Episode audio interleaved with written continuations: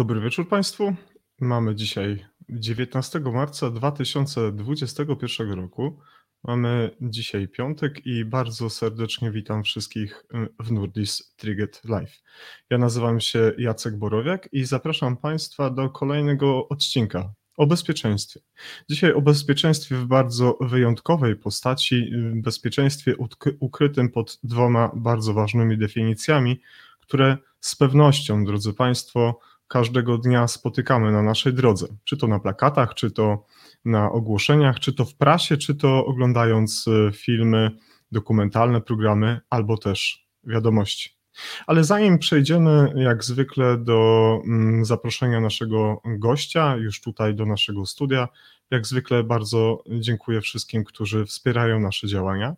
Dziękuję za to, że jesteście, drodzy Państwo, z nami na naszych profilach społecznościowych przez e, udostępnianie informacji o naszych wydarzeniach, poprzez dodawanie lajków, poprzez e, subskrybowanie naszych e, odcinków, które znajdziemy również na kanale YouTube, docieramy do coraz większej liczby odbiorców. Dzisiejsze spotkanie, dzisiejsze wydarzenie, dzisiejsza rozmowa jest przygotowana przy ścisłej współpracy z Instytutem Bezpieczeństwa Społecznego, którego sam szef jest dzisiaj z nami. Y, scenariusz wydarzenia został napisany przez naszego redakcyjnego kolegę, przez Michała Czerwińskiego, który jest dzisiaj z nami i będzie moderował rozmowę na naszym profilu facebookowym Nordistriget pod um, wydarzeniem, gdzie znajdziecie Państwo miejsce do um, wstawienia komentarzy bądź zadania pytań naszemu gościowi. Tak więc nie pozostało mi nic więcej, jak tylko kliknąć na odpowiedni przycisk i zaprosić do rozmowy pana Jacka Purskiego, prezesa Instytutu Bezpieczeństwa Społecznego w Norddistriget Live. Dzień dobry, Jacku. Dzień dobry, witam Cię, Jacku. E, witam Państwa także serdecznie. Dzisiaj będziemy sobie tak jackować. Będziemy sobie jackować. Jak to mówił kiedyś klasyk, bo wszystkie ryśki to fajne chłopy, i dzisiaj będziemy to trochę kraść. I dwa jacki się spotkały. Mm, jeden duży, drugi mały, też się zrymowało. Bardzo się cieszę, że przyjąłeś zaproszenie do rozmowy z nami. Bardzo dziękuję za zaproszenie. Y, cieszę się, że y, w tak wspaniałym gronie Twoich gości mogę, mogę, mogę, mogę być, bo y, już raz, raz przez chwilkę się pojawiłem podczas jednej z rozmów, ale mm, ale śledziłem także Twoją rozmowę z innymi, rozmowy z innymi gośćmi, więc widzę, że widziałem, że miałeś kilku fajnych ekspertów, ludzi, którzy mieli coś ciekawego do powiedzenia. Jest mi niezmiernie miło, że mogę w tym gronie się pojawić. Dzięki wielkie. Ja bardzo się cieszyłem na to nasze spotkanie właśnie od momentu, kiedy byłeś e, takim, taką zapowiedzią swoistą do rozmowy z Michałem Czerwińskim, ty i pan Krzysztof. I od tamtej pory żeśmy czekali na rozmowę z tobą. Jeszcze przed nami rozmowa oczywiście z panem Krzysztofem, to wszystko musi oczywiście potrwać. Tak więc bardzo się cieszę, że dzisiaj mamy ciebie na własność i będziemy mogli porozmawiać o dla nas y, bardzo ważnych tematach, bo jak wiemy, mm, dziedziny, którymi się zajmujesz, szczególnie dzisiaj te dwie definicje, które postaramy się rozłożyć na czynniki pierwsze, są tobie mm, y, chyba najbliższe i ta, i ta radykalizacja i ekstremizm to chyba pochłania dużą część twojego czasu y, w twoim życiu zawodowym, prawda? No, nie ukrywam, że jest to jakaś życiowa pasja na pewno. E, to jest tak, że, że, że, są to tematy, które są mi bliskie już od bardzo wielu lat i rzeczywiście mm, dość sporo czasu e, w życiu poświęcam na to chyba jest razem z początkiem Instytutu Bezpieczeństwa Społecznego tego, tego czasu y, na te tematy jest jeszcze więcej, bo, bo, bo jakby takie wyspecjalizowanie się w temacie radykalizacji sprawiło, że szczególnie w takim kraju jak Polska, y, że, że rzeczywiście tej pracy jest dość dużo. Hmm. Jacek Purski. Muszę dzisiaj wymawiać Twoje imię na literę P bardzo wyraźnie, bo jedna z osób napisała do mnie, jeżeli czasem powiem Jacek Kurski, to może to być troszeczkę odebrane jak mało fopa. Wolałbym tego fopa nie popełnić. Dzisiaj... Mam też takie doświadczenia. E, kiedyś e, dzwoniłem do e, do, do, do bardzo znanej osoby, o tak powiem, może tajemniczo powiem, do bardzo znanej osoby przedstawiłem się z pytaniem, czy będzie na konferencji, którą organizowaliśmy, no i dostałem taką, taką odpowiedź, e, o Boże, to do, dobrze, żeś Pan się dwa razy przedstawił, bo e, bałam się, że nie wezmę, że, że, że, że ktoś, kto nie, nie chciałabym, żeby do mnie zadzwonił, zadzwonił, no ale no to taka była jedna historia, więc czasem się zdarza rzeczywiście, ale też górski i turski, więc tak. Tak. A jest... Górski, no Górski, to już, to już coś. Ale, wie, ale, ale wiemy, że Kurskich jest dwóch, ten fajny i ten mniej fajny, tak więc y, ten fajny też go pozdrawiamy, więc jakbyśmy cię pomylili z drugim panem Kurskim, tym, tym fajnym, to, to akurat pasuje. Spoko, dzięki. Fajnie. Witamy oczywiście naszych widzów, witamy naszych słuchaczy. Są widzowie już pod naszym wydarzeniem, którzy się zameldowali. Drodzy Państwo, z pewnością niebawem do Was y, y, tam zajrzymy. Jest tam już Michał Czerwiński, y, więc już będzie przygotowywał, mm, będzie moderował tam rozmowę. Komentujcie, pytajcie. Michał będzie przekazywał do nas pytania, te, które moglibyśmy zadać mm, naszemu gościowi.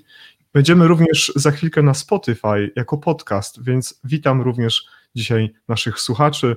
Bardzo się cieszę, że mm, dla wszystkich miłośników mm, fonii będziecie mogli Państwo od, odnaleźć nas na jednej z największych platform zajmujących się muzyką, podcastami. Tak więc chyba dokonałem wszelkich procedur wstępnych i mogę zająć się wspaniałą rozmową z politologiem, z działaczem społecznym, z edukatorem i z prezesem e, Instytutu Bezpieczeństwa Społecznego. Mm, I może ten nasz właśnie gość kilka słów w ramach tego, tej zapowiedzi powie też o sobie, bo tak chyba najfajniej też coś powiedzieć mm, w dwóch zdaniach, jakbyśmy się chcieli sami sprzedać, żeby czasem to nie trąciło o może jakiś może radykali, radykalizację albo ekstremizm. Ja mogę się przedstawić yy, w taki najbliższy mi sposób. Ja jestem chłopakiem z warszawskiego blokowiska. No, właśnie na, na to czekałem, żeby nasza rozmowa przyjęła zupełnie inny wygląd. Tak, no oprócz tego zajmuję się e, radykalizacją i, i, i, i, e, razem z kilkoma współpracownikami prowadzę e, Instytut Bezpieczeństwa Społecznego. A oprócz tego w ogóle jestem tatą i mężem też jestem. Myślę, że to jest najlepszy opis mnie. To jest, tak, tak. W tym okresie niedobrego czasu, gdzie zdrowie odmawiane, wymawiane jest we wszystkich możliwych przypadkach, tobie, twojej rodzinie, najbliższym, znajomym, bliższym już dalszym, życzę przede wszystkim ogromnie dużo zdrowia, żeby y, y, y, żadne choróbsko was nie dopadło. Ja zacznę od jednej małej definicji i to będzie wizja, a ty zaczniesz, a ty dokończysz tym, co chciałbyś do tego dodać. Wierzymy, że każdy człowiek powinien czuć się bezpieczny i żyć wolny od strachu. Jednak w dzisiejszym świecie rośnie poczucie niepewności i zagrożenia. Często prowadzi ono do, radykali- do polaryzacji i uruchamia niebezpieczny proces radykalizacji. Potrzeba strategicznych działań prewencyjnych opartych na eksperckiej wiedzy i doświadczeniu, zwiększyć poziom naszego bezpieczeństwa społecznego.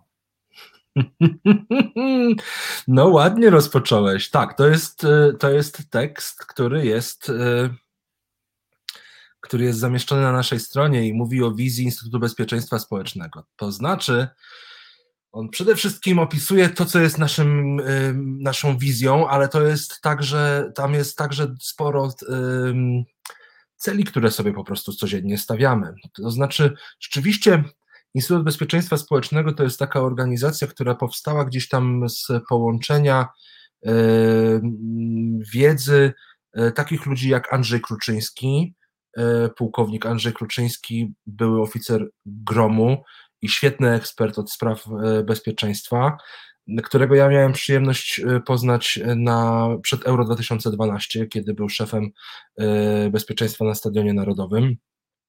I po tym euro, e, parę lat po euro, spotkaliśmy się i, i, i postanowiliśmy coś wspólnie zrobić na polu edukacyjnym.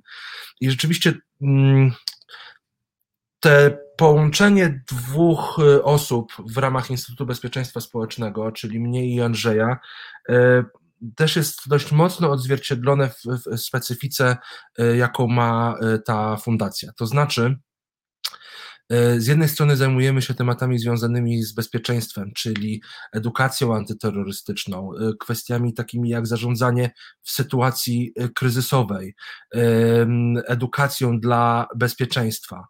A z drugiej strony Zajmujemy się tematem radykalizacji, polaryzacji społecznej, ekstremizmu, wszelkiego rodzaju dyskryminacji czy ksenofobii nawet. Więc to jest tak, że gdy prowadzimy działania edukacyjne na polu szkół na przykład, e, te dwie kompetencje bardzo fajnie nam działają i się, i się, i się uzupełniają. Inaczej mówiąc, gdy Andrzej ze swoją wiedzą i doświadczeniem e, dotyczącym szeroko rozumianego bezpieczeństwa społecznego, wchodzi do placówki szkolnej i spotyka się z nauczycielami i mówi o różnego rodzaju niebezpieczeństwach. Na twarzach tych nauczycieli, nauczycielek pojawia się wielki znak zapytania, a skąd to niebezpieczeństwo ma przyjść? E, no i bardzo często to, nie, to, to niebezpieczeństwo jest, jest opisane, jest, jest tą odpowiedź oni dostają, najczęściej z e, YouTube'a i telewizji polskiej. A, znowu nam wraca ta telewizja polska. Zobacz. E, ale to nie, nie oderwiemy się od tego, nie oderwiemy się.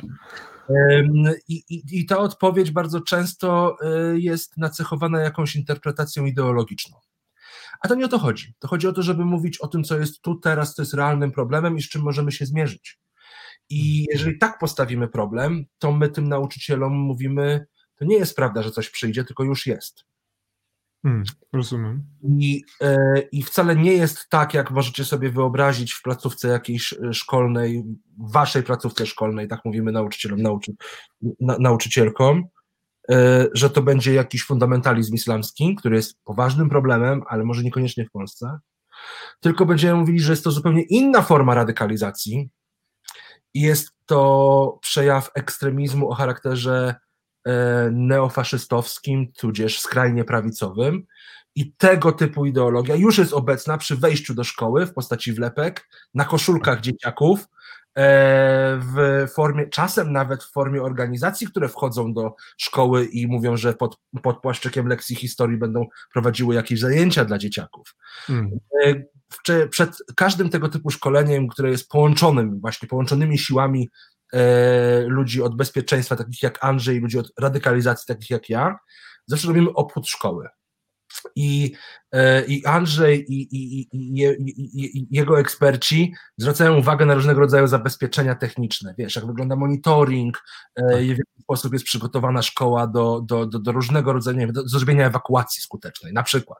Hmm.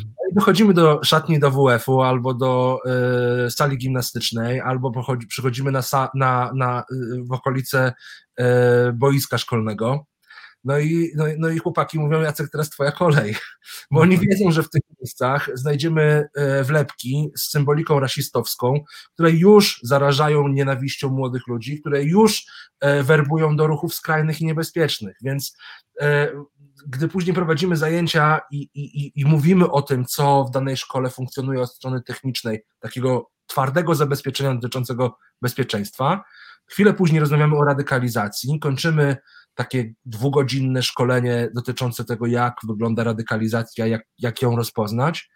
I nauczyciele często reagują, no to rzeczywiście mamy problem w naszym kraju. No i wtedy robimy im taką niespodziankę, że wejmujemy telefony i pokazujemy im zdjęcia zrobione na, podczas takiego obchodu przed zajęciami w ich szkole. I okazuje się, że ten problem jest tu, teraz. No i duże zdziwienie i także duże miejsce do, do, do, do poprawy, po prostu do poprawy sytuacji, do reagowania, do, do, do, do zdania sobie sprawy, że to, że, że, że to jest realny problem. Mhm. Kiedyś, kiedy służyłem w Wojsku Polskim, zawsze mówiono, nie idziemy posprzątać, tylko idziemy poprawiać porządki, czyli rozumiem, że można byłoby tutaj, wpuszczając takich ekspertów, których IBS posiada, poprawiać pewne procedury. Ale zanim powiem o tym poprawianiu, to powiedz, to, to pozwoli, że ja odniosę się do kilku miejsc, bo powiedziałeś sam o internecie. Teraz nawet nasze spotkanie jest online. Wiemy, dlaczego mm, jest, jest y, między nami duża odległość w kilometrach, myślę, że gdzieś około półtora tysiąca, ale dzięki temu możemy się spotkać. Ale ja teraz pokażę parę miejsc, gdzie i o IBS-ie możemy się dowiedzieć czegoś więcej. Jesteście na pewno na Facebooku. Dlaczego tak. będę wymieniał te wszystkie rzeczy? Bo z tym związane jest moje kolejne pytanie. Jesteście też, jesteście też na YouTubie, jest, jesteście też, um, macie profil swój na Instagramie, jesteście też na LinkedIn. To są te miejsca, gdzie um, można was zobaczyć. Jesteście też na Twitterze. I teraz moje pytanie brzmi, jak bardzo mocno um, te narzędzia, piękne, fantastyczne, będą wpływały w ogóle na nasze bezpieczeństwo, a jeszcze szczególnie w odniesieniu do dwóch definicji, które za chwilkę już przywołamy do tablicy i będziemy się nad nimi pastwić. Wiesz, to jest tak, że um, generalnie w, w dobie COVID-u, w dobie pandemii, e, to jest tak, że wszystko nam się przenosi do e, sieci. I e, także ludzie, którzy radykalizują, także ludzie, którzy e, są członkami organizacji o charakterze ekstremistycznym, e, działają z tych, korzystają z tych narzędzi. I e, oczywiście my nie jesteśmy organizacją, która skupia się na mm, kampaniach społecznych. Bardziej dla nas ważniejsza jest edukacja, ale żeby z tą edukacją dotrzeć, korzystamy z tych narzędzi, o których, o których, o których mówiłeś. O zgrozo niestety jest też tak, że korzystają z nich także ekstremiści i w dobie pandemii korzystają z nich dużo bardziej w dużo, dużo bardziej zmożonym, e, intensywniejszym rytmie. I, i, I to jest przerażające. Znaczy, ludzie się radykalizują przez internet. I my musimy mieć tego pełną świadomość, że oto teraz mamy sytuację, w której, w której gdy my sobie miło rozmawiamy, ktoś gdzieś się radykalizuje właśnie dokładnie za pośrednictwem, e, za pośrednictwem e, mediów społecznościowych, więc to jest wyzwanie, które jest, to jest poważne wyzwanie, które jest przed nami. Hmm. Jakie są tego powody? Jakie czynniki na to wpływają? Jakie są zmienne ku temu? To będziemy mówić za chwilę. Pozwolisz, że zanim mm, wejdziemy do naszego pokoju z widzami, gdzie już pojawiły się pierwsze pytania i pojawiło się kilka osób. Wiem, że kilka z tych osób jest dla Ciebie bardzo ważne bo chyba nawet jest tam pan, który nazywa się, ma na imię Andrzej i nazywa się Purski. No, myślę, że to jest taka, jest, je, jest, taka, jest taka osoba, ale muszę zadać tobie mm, najbardziej typowe pytanie dla Nordistrigget Live, kiedy rozmawiamy o bezpieczeństwie. Czym dla y, Jacka Purskiego y, jest bezpieczeństwo? Jaka według ciebie jest definicja bezpieczeństwa? Wiesz, ja, ja y, ja nie myślę o bezpieczeństwie w standardowy sposób, bo dla mnie bezpieczeństwo to jest coś takiego, co y, jest bardzo osobiste. To znaczy, bezpieczeństwo to jest, to jest, to jest pokój. Bezpieczeństwo to jest zadbanie o najbliższych. Dla mnie bezpieczeństwo to jest brak przemocy, brak nienawiści. To jest dla mnie bezpieczeństwo. Bo gdy mówimy tak jak mamy w nazwie wiesz, y, y, naszej fundacji, gdy mówimy o Instytucie Bezpieczeństwa Społecznego, mówimy o społecznych aspektach bezpieczeństwa bardzo, ale to bardzo szeroko. To znaczy mówimy o czymś takim, co jest, e, co dotyczy nas wszystkich i to naprawdę nie są tylko i wyłącznie procedury i sposoby zachowania w konkretnych sytuacjach. To jest dbanie o drugiego człowieka, to jest dbanie o to, żebyśmy pokojowo współistnieli. To jest moja definicja bezpieczeństwa za którą bardzo dziękuję i jest ona już zarejestrowana dla potomności, dla kolejnych pokoleń i w odpowiednim czasie, miejscu i sprzyjających warunkach zostanie ona wykorzystana do niecnego planu, o czym mam nadzieję gdzieś w połowie roku Państwa poinformujemy. Czy to będzie dobre, ocenią widzowie, słuchacze, no i eksperci, na przykład z IBS-u. Zapraszamy Państwa do zadawania pytań, zapraszamy do tego, żeby mm, wejść z nami w taką interakcję. Ja mm, jestem pewny, że mm, Jacek y, na te interakcje bardzo mocno czeka i pozwolisz, że w tym momencie przewiną się przynajmniej pierwsze osoby, które zawitały do nas, do naszego tutaj pokoju czy studia Nuri Striget Live. Y, jest z nami Paweł Bednarenko, którego serdecznie pozdrawiamy. Jest pan Michał y, Haponiuk, który jest też z nami. Jest pan Sokołowski, Jacek. Y, jak zwykle dotarł do nas Walerian Romanowski, który nie tak dawno był naszym gościem. Pani Renata mm, Tomczyk również. Jest po raz kolejny pan Bogdan Biecki, którego bardzo serdecznie pozdrawiam. Mm, pani Małgorzata Mitchell, jeżeli dobrze wymawiam, jest właśnie. Michał. Michał, tak. Jest pan Andrzej Pulski. Tak więc to szczególnie jest dla mnie ważne, że taka tutaj interakcja się pięknie Wspomniałem, że oprócz tego, że jestem mężem i ojcem, to jestem też synem. No, rozumiem. Słuchaj się. Słuchaj się, pamiętaj, że tutaj nie ma przelewek. Tak, tak, tak, to było niepełne przedstawienie się. Masz... Dokładnie. Wspomnia, wspomniałeś, jest nasz, y, jest nasz Andrzej, jest nasz wódz, jest nasz y, Andrzej Kruczyński, jest, jest, jest, z nami. Jest z nami pan Lewandowski, który ma pytanie, zaraz do tego dotrzemy, ale jest jeszcze ważna osoba dla ciebie. Ja już o tej osobie wiem i nawet kilka razy z tą osobą rozmawiałem.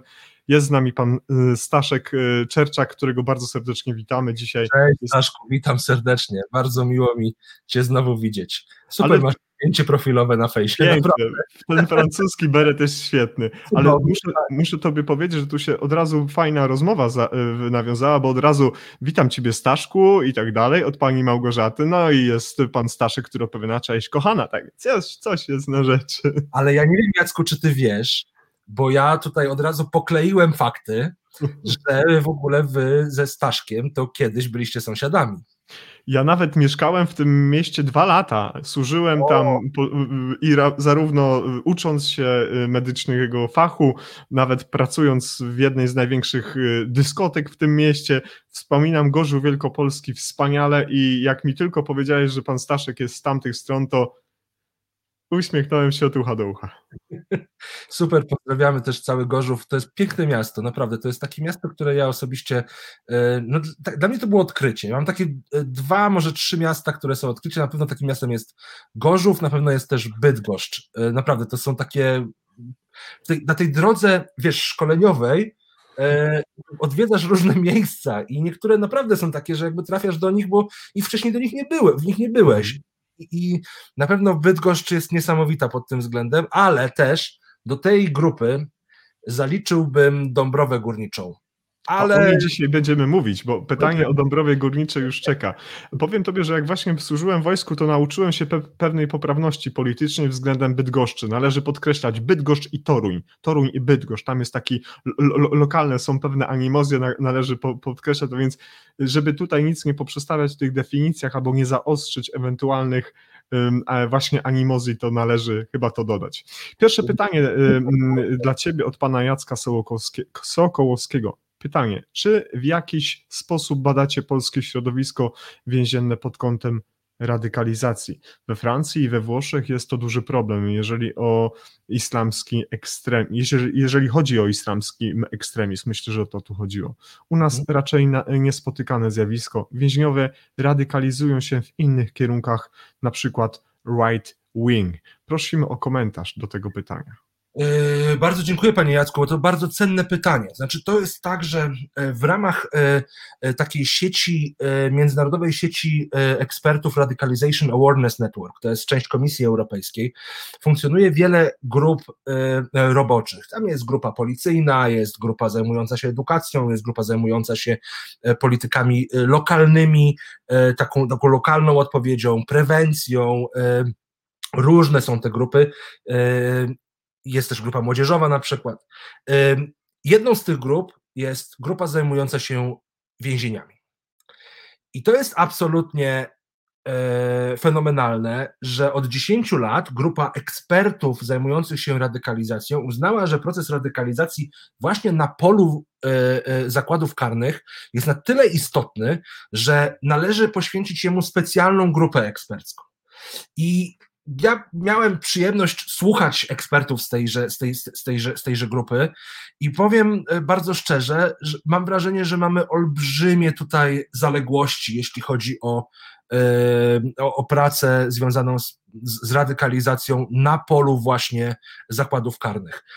Ja miałem przyjemność dwa razy chyba w życiu mieć szkolenie w zakładzie karnym dla pracowników tegoż zakładu, ale niedawno w ramach szkoleń prowadzonych przez e, Centrum Prewencji Terroryzmu. Miałem także przyjemność e, pracować z pojedynczymi osobami właśnie z tejże, z, z, ze służby więziennej i to są absolutnie niesamowite doświadczenia, bo e, podczas trzy czy czterogodzinnego warsztatu my rozmawiamy o rzeczach, o, o, procesie, o ekstremizmie, właśnie o tym, o czym Pan mówi, czyli o, o, o, o, o kwestiach związanych z right wing, czyli skrajnie prawicowym ekstremizmem.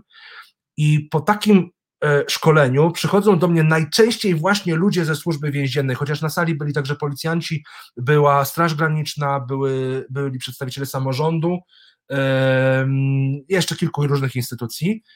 To straż, to, to, to służba więzienna przychodzi i mówi: My to znamy. My o tym słyszeliśmy, ale nikt nam tego nie nazwał. My to widzimy, ale nikt nam tego nie nazwał. Nikt nam tej wiedzy nie uporządkował. I od razu mówią, to jest moja wizytówka, ja mam nadzieję, jak tylko skończy się ten lockdown, to popracujemy razem edukacyjnie. Wierzę, że będziemy się rozwijać w tym kierunku, bo dla mnie osobiście więzienia są niesamowicie ważne. I dam tutaj bardzo konkretny przykład. E, jest, e, będzie przykład bez szczegółów niestety, bo, e, bo ich nie pamiętam, bo przeważnie się usypiam już takim jakimś wieczornym programem na jednej z telewizji, który się nazywa, nie wiem, Zakład Karny czy coś takiego. To jest taki program po prostu telewizyjny, który leci na jednym z, jednym z, jednym z kanałów w, w, w, te, telewizyjnych i bardzo często mi się tam zdarza obserwować ludzi, którzy są w zakładach karnych, wywiady z nimi są prowadzone w celach. I w tychże celach jest cały ten wystrój tak, więzienny, czyli to, co ci więźniowie chcą tam mieć powieszone. Liczba symboliki rasistowskiej, która jest w tych celach, jest po prostu przerażająca. I tu, jest, i tu, są, i tu są jakby dwie kwestie, bo jedna kwestia to jest oczywiście, dlaczego służba więzienna w ogóle na to nie reaguje, że mamy do czynienia z taką mocną propagandą ideologiczną, a z drugiej strony, dlaczego realizatorzy tego programu na litość boską także nie, nie, nie rozpoznają tego, że trochę się do tego też przyczyniają. Więc, więc na polu w ogóle działania e, wokół tematu radykalizacji w więzieniach jest piekielnie dużo do zrobienia w Polsce. Mm. I rzeczywiście to, to, taki temat, który był y, mocno zaniechany, ale jednocześnie to jest też tak, że ja mam takie przeczucie, że, że to jest taka grupa, z którą dość wdzięcznie się będzie pracowało.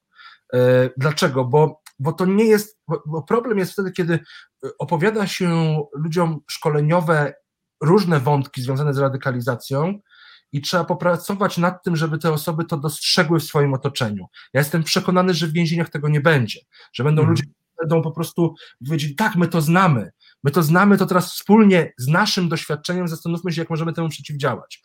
Bo to jest też trochę misja e, Instytutu Bezpieczeństwa Społecznego. To znaczy, my mówimy o ważnych problemach, pokazujemy proces radykalizacji trochę na takim poziomie, żeby przedstawić go polskiemu odbiorcy bo to nie jest proces, który, proces radykalizacji, czy praca w ogóle z radykalizacją, to nie jest coś takiego, co zostało wymyślone całkiem niedawno. To, jest, to, to ma swoją historię. Więc, więc, więc to jest tak, że, że my chcemy szukać współpracy z e, tak zwanymi first line practitioners, czyli tymi, tymi praktykami pierwszej linii, którzy, e, którzy mają swoją wiedzę, którzy mają swoje doświadczenia, ale my możemy ich tylko wzmocnić w jakimś zakresie. Czyli wierzę, że wzmocnienie właśnie służby więziennej o te komponenty dotyczące radykalizacji mhm. naprawdę mocno im pomóc w ich codziennej pracy. Pierwszym pytaniem od pana Sokołowskiego, żeśmy wyostrzyli apetyt do dalszej rozmowy, jak prawdziwe e, rasowe aperitif podane przed pięknym posiłkiem i mam nadzieję, że właśnie tak państwo żeście odebrali zarówno pytanie i e, odpowiedź naszego eksperta. Są dwa pytania, które przygotowałem, jest tych pytań wiele, ale pierwsze dwa pytania, które tutaj szybko rzucimy od Michała dla ciebie, to są takie y, troszeczkę akademickie, żeby zaraz zapytać o samą definicję tych mhm. dwóch słów. Mm, jesteś członkiem takiej organizacji, która nazywa się y, RAN. W kilku słowach, y, gdybyś mógł przybliżyć, co to takiego jest i czym się zajmuje, i w jaki sposób ta organizacja wpływa na bezpieczeństwo w państwach Unii Europejskiej. Bardzo szybciutko, bo to też jakby nie ma co jakoś niesamowicie rozwodzić, to jest sieć ekspertów z całej Europy zajmująca się problemem radykalizacji. Ja mam przyjemność uczestniczyć w tych pracach tejże, tejże grupy właściwie od samego początku. Wcześniej jako przedstawiciel Stowarzyszenia Nigdy Więcej, obecnie już jako Instytut Bezpieczeństwa Społecznego. Niewielu jest tam ekspertów z Polski, głównie są to ludzie, którzy zostali w jakiś sposób przedstawieni przez Instytut Bezpieczeństwa Społecznego do prac właśnie w ramach grup roboczych. To, jest, to są ludzie, którzy to jest kilka tysięcy osób tak naprawdę, którzy uczestniczą w pracach od 10 lat e, w ramach RANu, natomiast w ramach RANu jest także e, tak zwana grupa Expert Pool, która to grupa e, jest taką, taką, takim, takim zespołem ekspertów przygotowujących różnego rodzaju ekspertyzy, opracowania. Ja mam przyjemność od kilku lat także być w tej, w tej, w tej, w tej, w tejże grupie. Co jest ważne, może dla Państwa w ogóle, jeśli chodzi o RAN, to może to, to, jest, to jest ważna informacja tak naprawdę dotycząca RANu, to to, że e, jest olbrzymi e, zasób edukacyjny, wiedzowy w, y, na stronie RANu, z którego polecam bardzo y, y, korzystać i w ogóle to jest, to, to jest super wiedza opracowana przez właśnie te 10 lat pracy, pracy ekspertów, która mm, niestety jest tylko dostępna po angielsku, ale bardzo wiele z tych elementów będziemy w najbliższym czasie, już zaczęliśmy i będziemy kontynuować w najbliższym czasie, będziemy tą wiedzę ranowską udostępniać na jednym z naszych blogów. E, ten blog znajduje się pod adresem radykalizacja.pl e, i tam właśnie chcemy jak najwięcej e, materiałów eksperckich z całej Europy wrzucać w języku polskim, po to, żeby tą wiedzę dotyczącą radykalizacji pogłębiać. Więc radykalizacja.pl gorąco, gorąco zarówno tych z Państwa, którzy chcą poczytać trochę o tym, ale też tych, którzy chcą współtworzyć tego bloga, bo, bo chcemy po prostu pisać o radykalizacji, bo nikt nie pisze w Polsce, to chcemy pisać.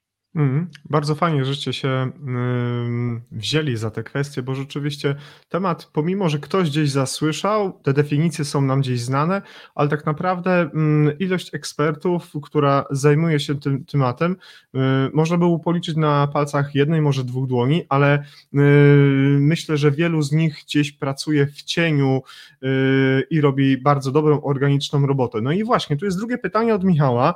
Czy możesz coś troszkę więcej powiedzieć o jeszcze jednej y, organizacji. Y, a organizacja nazywa się Ashoka i mm, ty też również do niej należysz. Powiedz mi proszę dosłownie też w kilku zdaniach, czym ta organizacja się zajmuje i dlaczego w niej jesteś. To jest super organizacja, tak powiem. E, Ashoka jest grupą naprawdę niesamowitych ludzi. Ashoka to jest międzynarodowa organizacja innowatorów społecznych, czyli ludzi, którzy zajmują się innowacjami, ale nie technologicznymi, tylko społecznymi. Przeważnie myślimy o technologicznych, gdy myślimy o innowacjach, ale te innowacje społeczne to jest coś takiego, co zmienia nasze codzienne życie. Ja mam tą przyjemność, zaszczyt być od trzech lat członkiem Ashoki, tak zwanym Ashoka Fellow, e, czyli, e, czyli, czyli e, zostałem przyjęty do tego grona właśnie jako innowator społeczny, co z Ashoki zostało uznane za innowację społeczną w IBS-ie, bo to jakby E, w ten sposób trzeba oceniać. Mianowicie, po pierwsze, kwestie wprowadzania e, radykalizacji jako e, pewnego rodzaju takiej bazy merytorycznej do dalszych prac wokół tego zjawiska w Polsce. Po drugie, na pewno zrównanie różnych form radykalizacji, o tych formach radykalizacji będziemy jeszcze, jeszcze mówili, przy jednoczesnym zachowaniu tego, by mówić o radykalizacji w odpowiednio, odpowiednio o takich formach radykalizacji odpowiednio dużo, jak e, występują one w danym kraju, czyli na przykład w Polsce, tak? E, czyli żeby zachować tą proporcję właściwą do lokalnych, lokalnych e, lokalnej specyfiki.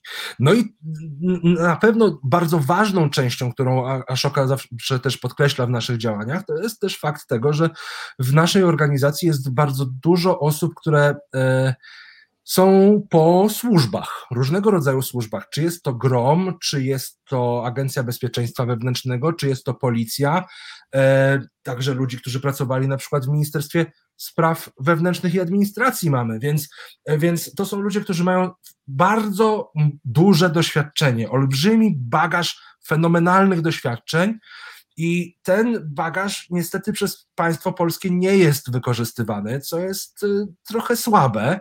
Na szczęście my go wykorzystujemy, y, ale to nie to my jesteśmy tacy super, tylko ci eksperci są tacy super, że oni czują, że to, co zdobyli przez tyle lat, niezależnie od tego, czy to był GROM, czy to była policja, ABW, MSW, nieważne, oni czują, że to może się po prostu przydać i przełożyć na, na, na bezpieczeństwo. I to docenia też Ashoka. Hmm.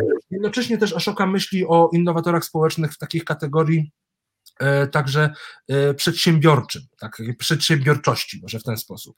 Czyli też, e, też docenia to, że oprócz działalności czysto społecznej mamy także możliwość budowania budżetu Instytutu Bezpieczeństwa Społecznego poprzez prowadzenie komercyjnych szkoleń, co jest bardzo ważne. E, bo e, taka dywersyfikacja przychodów dla fundacji, dla organizacji pozarządowej nie jest rzeczą oczywistą i naturalną na, na, na, w skali e, całej Polski czy Europy, więc ta, szukanie tego typu dywersyfikacji na pewno jest, jest cenne. No my założyliśmy, że, że ta dywersyfikacja będzie polegała, będzie bazowała na szkoleniach, a w bazie w czasie COVID-u niewiele tych szkoleń można robić, więc myślę, że jest kilku lepszych innowatorów społecznych, e, którzy mają bardziej przedsiębiorcze podejście niż, niż, niż Instytut Bezpieczeństwa Społecznego, ale, e, ale, ale, ale rzeczywiście jest tak nasza organizacja pomyślana, żebyśmy hmm.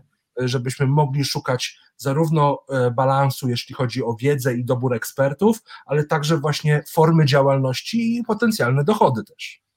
Y, super, bo w sumie już odpowiedziałeś na kolejne pytanie, które było przygotowane, właśnie o tych ekspertów, kto, kto tam jest zapraszany do fundacji, dlaczego i, i, i tak dalej. Ale jedna rzecz brakuje mi trochę by do tego, tak, tak, ta wisienka na torcie. Gdybyśmy mieli zważyć to know-how Twoich ekspertów, którzy są z Wami, y, gdybyśmy mogli to wycenić na ilość sztab złota albo, albo nie wiem, baryłek ropy, jak cenne jest to dla naszego kraju, pomimo, że system nie docenia czy nie wykorzystuje tej wiedzy, nie skupiam się na tym, ale jak cenne jest to dla nas, tak? Możemy powiedzieć, że nasze zasoby złota w Polsce są cenne, bo je możemy wycenić na ileś tam miliardów dolarów, dajmy na to, a na, jaki ten know-how jest, jakbyśmy mogli dosłownie trzy sekundy o tym opowiedzieć albo sprecyzować. Yy, bezcenny. Dziękuję. Dziękuję. Ale wiesz, pozwolę sobie na jeden przykład. Jest z nami y, Małgorzata Michel. E, która jest w gronie ekspertów e, Instytutu Bezpieczeństwa Społecznego. To jest, Małgorzata jest osobą, która e, ma na koncie szereg publikacji, zajmuje się tematami gangów młodzieżowych, ale także przestępczości pseudokibicowskiej. Jej wiedza, ale jej także oddanie w taką w kierunku pracy resocjalizacyjnej, które przekazuje także swoim swoim e, studentkom i studentom e, e, na Uniwersytecie Jagiellońskim, to jest tak gigantyczny potencjał, że nie da się go w ogóle z, z niczym, z niczym porównać. Znaczy, to, to ja, ja mogę zaraz mieć pytanie do każdej i każdego z Państwa. Czy spotkali się Państwo z przemocą pseudokibicowską albo na przykład z dziećmi ulicy, tak zwanymi, czy, czy, czy, czy, czy sytuacją, czy sytuacjami gangowymi, przestępczością gangową, E, w, na, na, przestrze na przestrzeni ostatnich lat w swoim mieście. Znaczy, y, powiem w ten sposób, wybierz mi Jacku tych, którzy powiedzieli, że nie, no bo zaraz będziemy, będziemy, będziemy mniej miło rozmawiać. No. no myślę, że te osoby się ujawnią, jeżeli są z nami i Michał je wy, wy, wy, wy, wy, wyłuska z naszej grona widzów i to by podeślę, na miary dostaniesz. żebyśmy się mogli ka ka kanałami, y, kanałami do, dobrać do tych osób, ale żeby edukować, bo jak wiemy, jednym ze sposobów na radzenie sobie właśnie z radykalizacją jest edukacja. Ale właśnie, no to co to ta radykalizacja jest i od jak tak naprawdę dawna jest to dla nas problem w naszym nowoczesnym społeczeństwie, rozwiniętym, szczególnie y, dorosłym, dojrzałym, takim demokratycznym. Y, gdzie tu są jakieś ramy czasowe i jaka jest najlepsza definicja, która określa to słowo? Więc wiesz, radykalizacja to jest generalnie złożony proces, to warto od tego zacząć. I to jest proces, w którym osoba lub grupa osób y, zaczyna przyjmować skrajną, opartą na różnych formach przemocy, ideologię lub przekonania. I, I, to jest, inaczej mówiąc, to jest pewnego rodzaju odrzucenie status quo, takiego stanu rzeczy yy, i, połączone z negowaniem podstawowych wartości demokratycznych i połączone zawsze z rosnącą skłonnością do używania przemocy. No tak trzeba na to patrzeć, mimo tego, że w ogóle słowo radykalny, radykalizacja, radykaliza, radykalizm w Polsce jest odmieniane przez tysiące różnych przypadków. E, wiesz, można być, mieć radykalną fryzurę, radykalne zwyczaje żywieniowe, można być, e, można radykalizować swój protest albo być radykalną e, opozycją. Wszyscy używają procesu radykalizacja, ale gdy dochodzi do tak tragicznego wydarzenia jak zabójstwo prezydenta Adamowicza, to słyszymy z ust ludzi, którzy są pewnego rodzaju liderami, że to wariat go zabił, że trzeba być świrem, żeby coś takiego zrobić, co trzeba mieć w głowie, jak trzeba być chorym psychicznie, żeby coś takiego zrobić. No właśnie, a ja bym chciał, żeby liderzy w takim momencie powiedzieli: Zamachowiec był w procesie radykalizacji. Ten proces radykalizacji, mimo tego, iż człowiek ten był w więzieniu, nie został przerwany efektem tego procesu radykalizacji jest akt terroru i zabójstwo, którego dopuścił się. Rozumiesz? W ten sposób nie mhm. myślimy o radykalizacji. Inaczej mówiąc, najwyższą, najbardziej skrajną formą radykalizacji, u szczytu procesu radykalizacji jest terroryzm. Powiem Ci więcej, Jacku, i Państwu także. Nie ma takich terrorystów, którzy nie byliby wcześniej w procesie radykalizacji. No to idąc za tym, co powiedziałem przed chwilą, jeżeli chcemy walczyć z terrorem, a nie podejmujemy tego wyzwania, czym jest przeciwdziałanie, prewencja i przeciwdziałanie radykalizacji, no to jesteśmy zgubieni, mówiąc hmm. tak ładnie. Jesteśmy no zgubieni. Bo e, no wiesz, to jest trochę tak, e, że, że, że mm, gdy mówimy w ogóle o procesie radykalizacji, to warto w ogóle powiedzieć o tym, że można go sobie wyobrazić w formie takiej, wiesz, piramidy gdzie na dole jest, e, jesteśmy my, społeczeństwo obywatelskie, państwo prawa, troszeczkę wyżej jest, jest część taka, powiedziałbym, częścią tego status quo jest, jest, jest aktywizm. Aktywizm nie jest formą radykalizacji, to jest bardzo ważne. Dopiero później wchodzimy w pierwszą, drugą fazę radykalizacji. Druga faza radykalizacji to już przynależność do organizacji ekstremistycznych, to już ekstremizm. A na końcu tego mamy, mamy na końcu tej piramidy mamy terroryzm. Tak myślimy o radykalizacji, ale można też opowiedzieć o tym jeszcze inaczej. To jest tak. E, wrócę do tego zabójstwa prezydenta Adamowicza. E, gdy, e, gdy to te, te, tragiczne wydarzenia miały miejsce, bardzo wielu prezydentów miast w Polsce powiedziało, że następnego dnia planują za, zajęcia w szkołach na temat mowy nienawiści. Fajnie. Super, że coś planują, że coś zrobili. Ale my mówimy w ten sposób w IBS-ie. Gdzieś, gdzieś tutaj jest gdzieś tu może, jest e, wykluczenie społeczne, brak dialogu jako kompetencji. E, gdzieś tutaj mamy, e, na tej, na tej skali mamy gdzieś w tym miejscu mowę nienawiści. Gdzieś tutaj mamy różnego rodzaju werbunek, propagandę ekstremistyczną. Gdzieś dalej mamy więzienia i radykalizację, która się tam, tam dzieje. Gdzieś jeszcze dalej mamy przestępstwa motywowane nienawiścią. E, gdzieś na samym końcu mamy terroryzm. To wszystko jest elementem procesu radykalizacji, więc moim komentarzem do tych działań różnych prezydentów jest super, że coś robicie, a może poszukajmy rozwiązań systemowych, a nie tylko zróbmy coś, co, się faj, co fajnie brzmi i co rozumiecie, bo wiele z mhm. tych elementów, o których powiedziałem, nie rozumiecie. To nic mhm. złego. Nie mhm. musicie być ekspertami od tego. To nic złego, absolutnie. Tylko warto szukać rozwiązań systemowych, takich, które zaadresują wszystkie te problemy. Jeżeli gdzieś na końcu nie chcemy się spotkać z, y, z, z najbardziej skrajnym przejawem radykalizacji, jakim jest akt terroru y, motywowanym ideologicznie. W jednym ze swoich wykładów pan doktor Krzysztof Lidl powiedział, pan dyrektor Kolegium Civitas, Centrum do do Badań nad Zwalczaniem nad Terroryzmem, powiedział, że terroryzm jest y, tak stary, jak stara jest y, ludzka cywilizacja. Y, I, tak, I jego... Tak, I tak, tak. I tak samo mamy, możemy powiedzieć, że jest z radykalizacją. Tak należy to rozumieć. oczywiście, tak, tak, tak, tak, tak, bez Co, wątpienia. każ, tak jest. co, co, każdy mm, Polak, Niemiec, Rusek i diabeł, jak to kiedyś było w tych dowcipach, powinien wiedzieć o radykalizacji? Powinien wiedzieć, że jest wiele dróg prowadzących radykali, do, do, do radykaliz- przez radykalizację do ekstremizmu i terroryzmu. Powinien także wiedzieć, że, em, że, że, że te, te drogi są bardzo indywidualne. E, I powinien wiedzieć także, że wbrew takiemu, takiej powszechnej, obiegowej opinii, to nie choroby psychiczne, ani nie e, deprywacja społeczno-ekonomiczna jest e, przyczynkiem tego typu e, procesów. Bardzo różni ludzie ulegają procesowi radykalizacji. Ważne jest też to, że radykalizacja może mieć różne formy i cztery takie podstawowe to jest radykalizacja o charakterze bazująca na politycznej interpretacji religii. To jest bardzo ważne, żeby nie mówić o tym, że jest to radykalizacja religijna, bo to nie religie zabijają, tylko ich interpretacja. E, powinien wiedzieć także, że w, w takim kraju jak Polska czy region środkowo, e, e, środkowo-wschodnioeuropejski jest, jest w, tak, w naszym regionie najbardziej popularną formą radykalizacji jest radykalizacja o charakterze skrajnie prawicowym.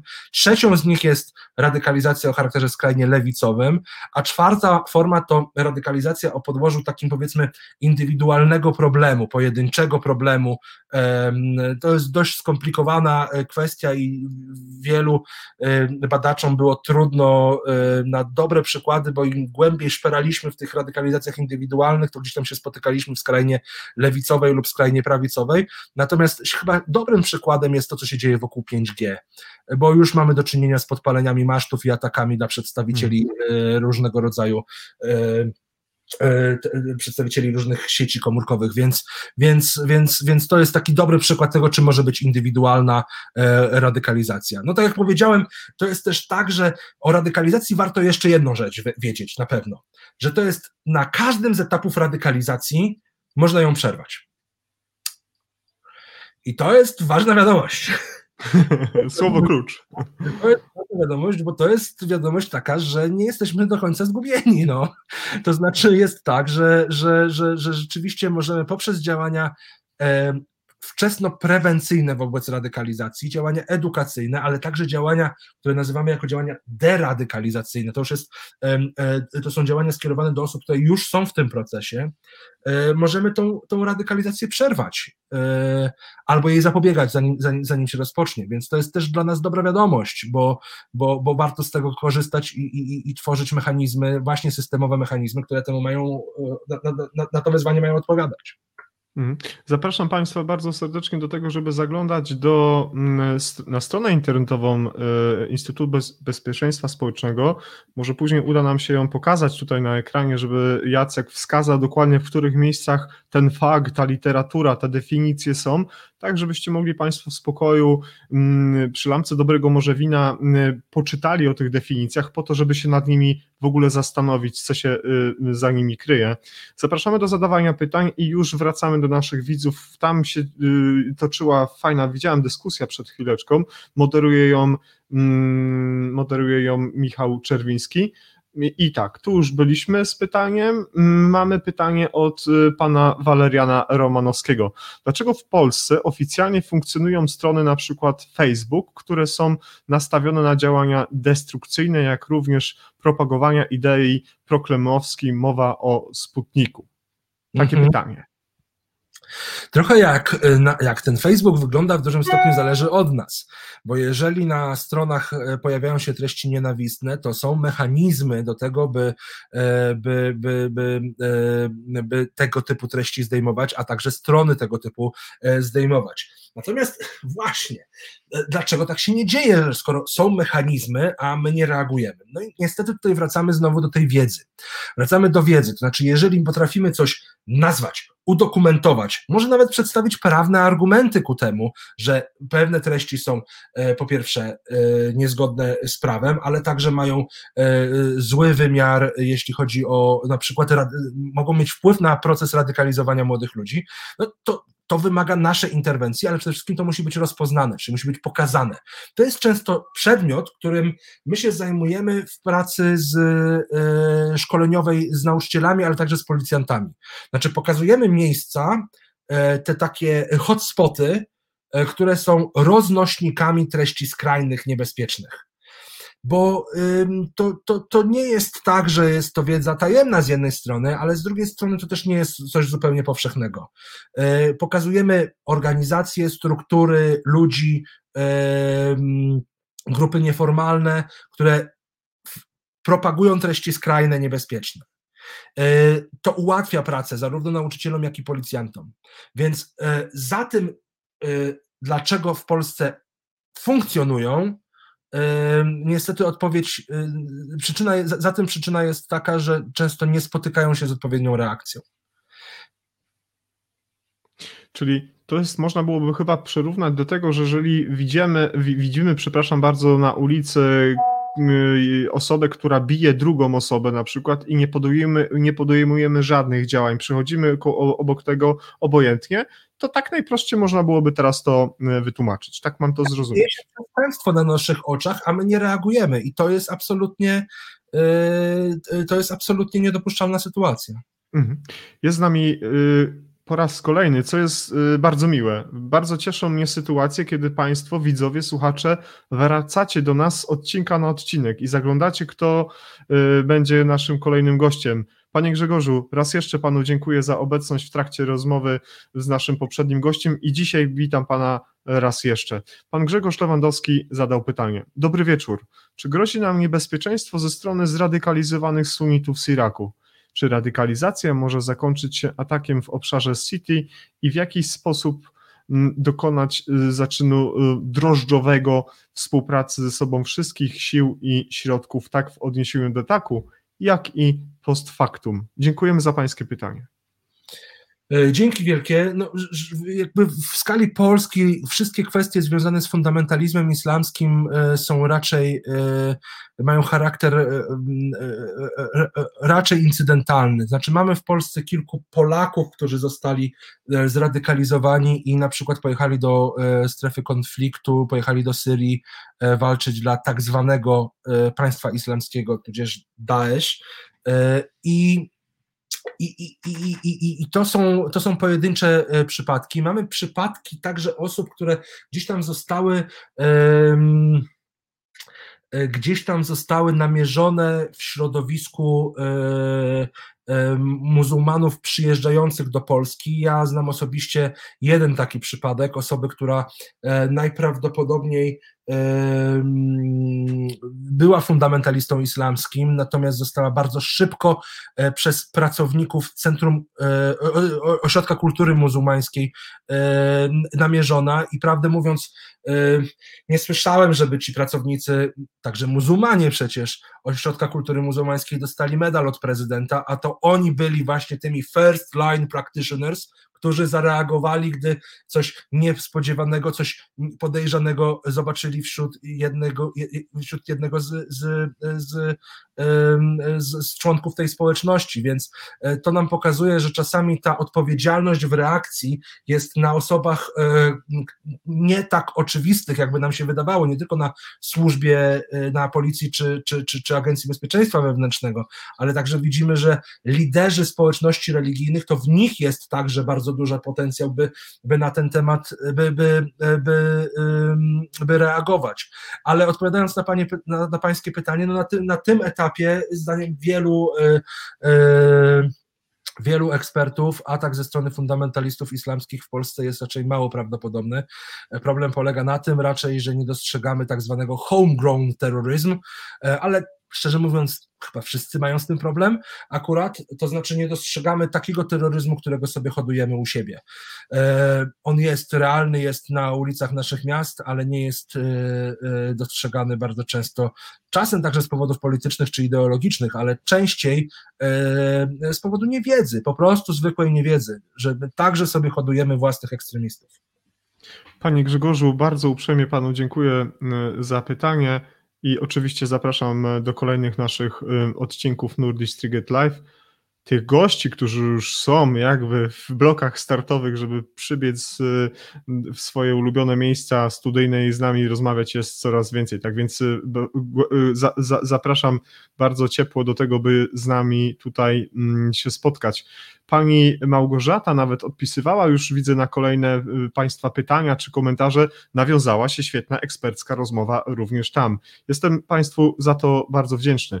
Pan Bogdan y, Biecki, również nasz stały widz, stały słuchacz, zadał pytanie. Panie Jacku, czy nie uważa Pan, że ludzie często mylą pojęcia radykalizmu z fanatyzmem i na ile y, zna, ile, na ile zna tutaj mówią, mówi, na ile zna tutaj mówić o granicy, ja, i na ile można tu mówić o granicy między jednym a drugim pojęciem, czyli radykalizm z fanatyzmem. Jakie tutaj są te różnice? E, po, po pierwsze, e, ja bardzo e, tak no, do, do przesady, trzymam się pojęcia radykalizacja jako proces. E, ale ma Pan absolutną rację. To znaczy, często mówimy o tym, e, że coś jest e, radykalne, czy jest, czy jest w procesie radykalizacji, już mówiąc tej, tymi słowami, które, które są mi bliższe, a mamy do czynienia z pewnego rodzaju fanatyzmem. Albo częściej, gdy mówimy na przykład o debacie publicznej, zamiast fanatyzmu radykalizacja mm, jest mylona z polaryzacją społeczną. To jest bardzo ciekawe, że, że, że, że, że mm, bardzo często w tej debacie publicznej wokół tych tematów, wokół tematów radykalizacji, e, często padają słowa, które, yy, których znaczenia rozmówcy często nie, nie, znają i jakby mają takie bardzo szerokie, luźne podejście do, do tego problemu. Ja nie wspominałem o tym jeszcze dzisiaj, a lubię o tym wspominać, że E, gdy Państwo wpiszecie sobie radykalizację na polskiej Wikipedii, to nie znajdziecie tego hasła. Hmm. No to jest problem, prawda? Oczywiście to hasło jest na e, angielskiej wersji językowej i w bardzo wielu innych wersjach językowych, ale w Polsce nie ma. Więc to, to, to naprawdę tutaj wracam do takiej podstawowej misji e, fundacji, czyli w ogóle wdrażania do polskiej debaty publicznej tego, czym jest radykalizacja. E, owszem, o różnych formach radykalizmu e, kilku ekspertów napisało parę publikacji na, na te tematy, e, ale my mówimy o procesie. My mówimy o procesie, w którym osoba lub grupa osób zaczyna przyjmować skrajną opartą na różnych formach przemocy, ideologii i przekonania. I rzeczywiście często fanatyzm, ale równie często polaryzacja jest mylona e, z pojęciem e, radykalizacji. Dziękuję za odpowiedź. Dziękuję Panie Bogdanie za Pańskie pytanie. E, nadal jesteśmy do dyspozycji, jeśli chodzi o mm, przyjmowanie tych pytań od Państwa. Niemniej jednak pozwolicie Państwo teraz, że będziemy dalej kontynuować scenariusz naszego dzisiejszego spotkania. Mm, ta radykalizacja i ekstremizm w wydaniu pana Jacka Purskiego, mm, prezesa Instytutu Bezpieczeństwa Społecznego. I tu jest takie pytanie, które mm, bardzo mnie interesuje i bardzo bym y, też na nie czekałem, aż odpowiesz. Jakie są rodzaje tej radykalizacji i które mm, y, z tych pojęć same w sobie i w praktyce już mówiąc, te radykalizacje stanowią y, największe wyzwanie i dlaczego? To jest tak, tak, trochę już o tym wspominałem, że mamy tą, skraj, tą, tą radykalizację na podłożu skrajnie lewicowym, skrajnie prawicowym, bazującą na politycznej interpretacji religii oraz tą związaną z indywidualnym procesem, indywidualną kwestią, e, jak tutaj użyłem przykład, przykładu 5G, ale jeśli chodzi o to, co jest największym wyzwaniem, bo to jest jak najbardziej, znaczy to jest, mam wrażenie, sednem tego pytania, bo, e, bo, bo to jest pytanie o to, co jest naszym realnym tutaj problemem. No to rzeczywiście jest tak, że gdy mówimy o fundamentalizmie islamskim na przykład, to niewiele tego typu przykładów znajdziemy w Polsce i właściwie ja mówiąc o tych foreign terrorist fighters, czyli tych osobach, które zostały zradykalizowane, pojechały do stref konfliktu, właściwie wyczerpałem temat. Jeśli mówimy o radykalizacji indywidualnej, te rzeczy będą się pojawiały, raczej mają charakter niszowy. No, typowe jest tutaj to, to, to 5G i jakby narastające wokół tego różnego rodzaju niepokoje. Tutaj COVID też może być do tego przyczynkiem. Jeśli chodzi o e, radykalizację skrajnie lewicową, to tutaj w tym miejscu możemy mówić e, o, e, o takiej, takim wydarzeniu jak próba podłożenia materiałów wybuchowych pod komisariat na warszawskiej Ochocie, o ile dobrze pamiętam, przez środowiska związane z ze skrajną lewicą. E, do tego funkcjonowanie takiej partii jak Komunistyczna Partia Polski w Polsce, chociaż jest, jest, to, jest to grupa e, kilku e, emerytów, to jednak w myśl 13 artykułu Konstytucji, który zakazuje istnienia partii odwołujących się do praktyk totalitarnych, E, to, to, to raczej nie powinno coś takiego funkcjonować w moim, w moim przekonaniu. No i dochodzimy do, e, do radykalizacji skrajnie prawicowej, gdzie z jednej strony mamy e, organizacje, które są wprost narodowo-socjalistyczne, czyli wręcz nazistowskie, neonazistowskie w tej chwili, odwołują się do nazizmu. Mamy organizacje, tu są, tutaj mamy kilka organizacji, znaczy w tym gronie mamy kilka organizacji terrorystycznych, jak na przykład Blood and Honor, czy jej część Combat 18. Mamy organizacje, które są narodowo radykalne, gdzieś tam romansujące z narodowym socjalizmem. Mamy cały ruch autonomicznych nacjonalistów, który to jest e, bardzo atrakcyjny dla młodych ludzi i niestety jest przerażający e, w swych, e, w swych, w swych działaniach, kontaktach międzynarodowych i fascynacjach, retoryce i narracji, jaką, jaką ma. Znaczy ci ludzie są dumni z tego, że są ekstremistami i, i, i, i, i trzeba w ten sposób na nich, na nich zdecydowanie patrzeć. Mamy szereg organizacji, E, które, e, które, które właśnie odwołują się do takich e, narodowo-radykalnych treści, werbujących ze środowisk na przykład pseudokibicowskich. Mamy do tego cały, całą machinę propagandową tych wszystkich organizacji, sposoby werbunku, koncerty, siłownie, Hmm. Różnego rodzaju miejsca, gdzie są, gdzie, gdzie, są aktywne. Do tego dochodzą nam demonstracje, do, do, tego dochodzi właśnie cała ta machina propagandowa w postaci zarówno oficjalnych źródeł, jak i, jak i tych źródeł, które um, mają mniej taki nośny charakter, jak na przykład, nie wiem, wlepki y, y, z symboliką, o których wspominałem wcześniej. Tak. Więc, więc mhm. tutaj mówimy o takiej olbrzymiej rozpiętości i wachlarzu y, skrajnie prawicowych treści. Pamiętajmy o tym, że zamachowiec z E, Christchurch w Nowej Zelandii, Branton Tarrant, był w Polsce, uczestniczył w kilku imprezach związanych z e, organizacjami skrajnie prawicowymi, spotkał się z ludźmi, e, a później pojechał, jeździł po całej Europie Środkowo-Wschodniej, tutaj miał kontakty, on się inspirował różnymi ruchami, różnymi, różnymi działaniami, a potem wrócił do, do, do Nowej Zelandii, zabił 51 osób i ponad 40 ranił właśnie w ataku na, na, na, na na, na, na, na, na kościół na mecze, tak, na, na więc to jest, y, więc to, to, jest absolutnie przerażające, że ci ludzie są skontaktowani, ci ludzie są zsieciowani, no. Dwa dni temu był atak na e, ewidentnie rasistowsko motywowany w, w Atlancie. Zginęło chyba 8 osób e, w trzech miejscach takich e, typu day spa prowadzonych przez Azjatów. E, wszedł człowiek, który podróżował od jednego miejsca do drugiego i zabijał ludzi. No, jakby był, był ideologicznie motywowany, to był skrajnie prawicowy ekstremista, więc e, e, czy terrorysta może. Więc, tak. więc, więc tego, rzeczy, tego typu rzeczy się dzieją i najnowsze raporty wszelkich służb w Stanach Zjednoczonych piszą tylko i wyłącznie o homegrown terroryzm, a hmm. homegrown terroryzm równa się right-wing extremism, czyli ten domorosły terroryzm równa się terroryzm skrajnie prawicowy. I tutaj Michał również przygotował, po części już odpowiedziałeś na to pytanie, ale właśnie jeszcze może doprecyzować. Y, pytanie jest takie, kto jest najbardziej narażony na radykalizację? I już tu tutaj powiedziałeś, bo ta radykalizacja ma ten wymiar wielopodmiotowy, wielopłaszczyznowy, wielowątkowy. Ja to tak rozumiem.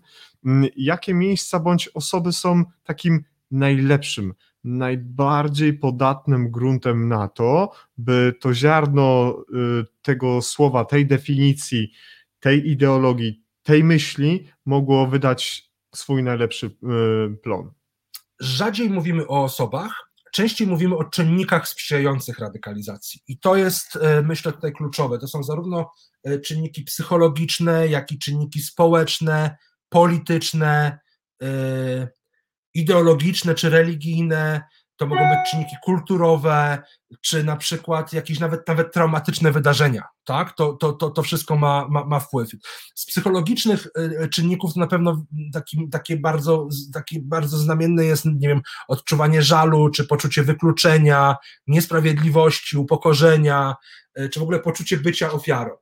Jeśli chodzi o czynniki społeczne, to tutaj mówimy o marginalizacji, dyskryminacji, y, czy, czy, czy, czy na przykład także słabej edukacji, tak? Czy możemy tutaj mówić także o przeszłości kryminalnej, jeśli chodzi o te czynniki społeczne. Jeśli chodzi o polityczne, to tu mam mój ulubiony czynnik, czyli na przykład przeświadczenie o e, wojnie pomiędzy cywilizacjami. Uwielbiam to. Ojejku, jak ja to uwielbiam. Teoria Huntingtona, która została obalona już wielokrotnie, jest podstawą do tego, żeby budować swoje, swoje niesamowite wynurzenia na temat tego, że, że cywilizacje są w stanie, stanie wojny. Tutaj na pewno jest także strach przed uchodźcami. E, ideologiczne, mówiłem o ideologicznych, to tutaj mamy e, na przykład krytykę dekadencji albo wiarę w męczeńską śmierć, na przykład, tak? E, jeśli chodzi o kulturowe, to jest kulturowa marginalizacja, poczucie braku przynależności, no i oczywiście do, ostatnią, o której wspomniałem, to są te traumatyczne wydarzenia. To może być śmierć, choroba, traumy, doświadczenia z dzieciństwa i tak dalej, i tak dalej.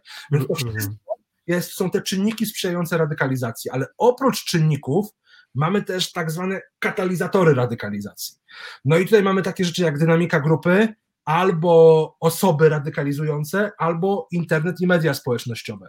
Y, to, co mamy teraz, my bardzo często zwracamy uwagę na dynamikę grupy jak podczas zajęć z policjantami wszyscy mówią o tym, że to są tam, nie wiem, rzeczy typu właśnie myślenie grupowe, czy, czy, czy, czy jakieś elementy kontrkulturowe, samoizolacja i tak dalej, i tak dalej, ale gdy mówimy o, ja uwielbiam zwracać uwagę jednak na te osoby radykalizujące, bo to jest tak, że my często o nich zapominamy, myślimy sobie o tym, że to jest ten grunt, plus jakaś ideologia, a wszyscy E, byli ekstremiści, którzy wyszli z, z, organizacji skrajnych, mówią, że na ich drodze stanął w pewnym momencie ktoś, który powiedział, który dał prostą odpowiedź na trudne pytanie, który dał jakąś odpowiedź. Mówi o tym, mówi o tym Staszek, o którym dzisiaj wspominaliśmy. Mam nadzieję, że Staszek cały czas jest z nami i, i będzie miał okazję o tym więcej opowiedzieć. Mówi o tym, o tym Christian Picciolini, który jest największym ekspertem od ekstremizmu w takim gronie właśnie byłych ekstremistów, założyciel organizacji Hope, Not, e, Hope After Hate, e, przepraszam, Life After Hate, czyli Życie po nienawiści. Oni zwracają uwagę na to, że ten człowiek wykorzystujący słabości, manipulujący, to może być czasem współwięzień, charyzmatyczny przywódca to jest taka osoba, która, która, która e, dokonuje tego, tego, tego, tego, tego elementu, tego, tego momentu e, przejścia na stronę e, radykalną. No i teraz połączmy sobie te, te osoby radykalizujące z mediami społecznościowymi. Mieszanka gotowa mieszanka gotowa, bo tak jak powiedziałem wcześniej, my sobie możemy miło tutaj rozmawiać, a w tym czasie ktoś, jest, ktoś się radykalizuje na, na, na YouTubie i tak to wygląda. Tak, pamiętam, kiedy mieliśmy spotkanie z Michałem. E, Michał mówił o e, ataku zamachowca na Virginia Tech.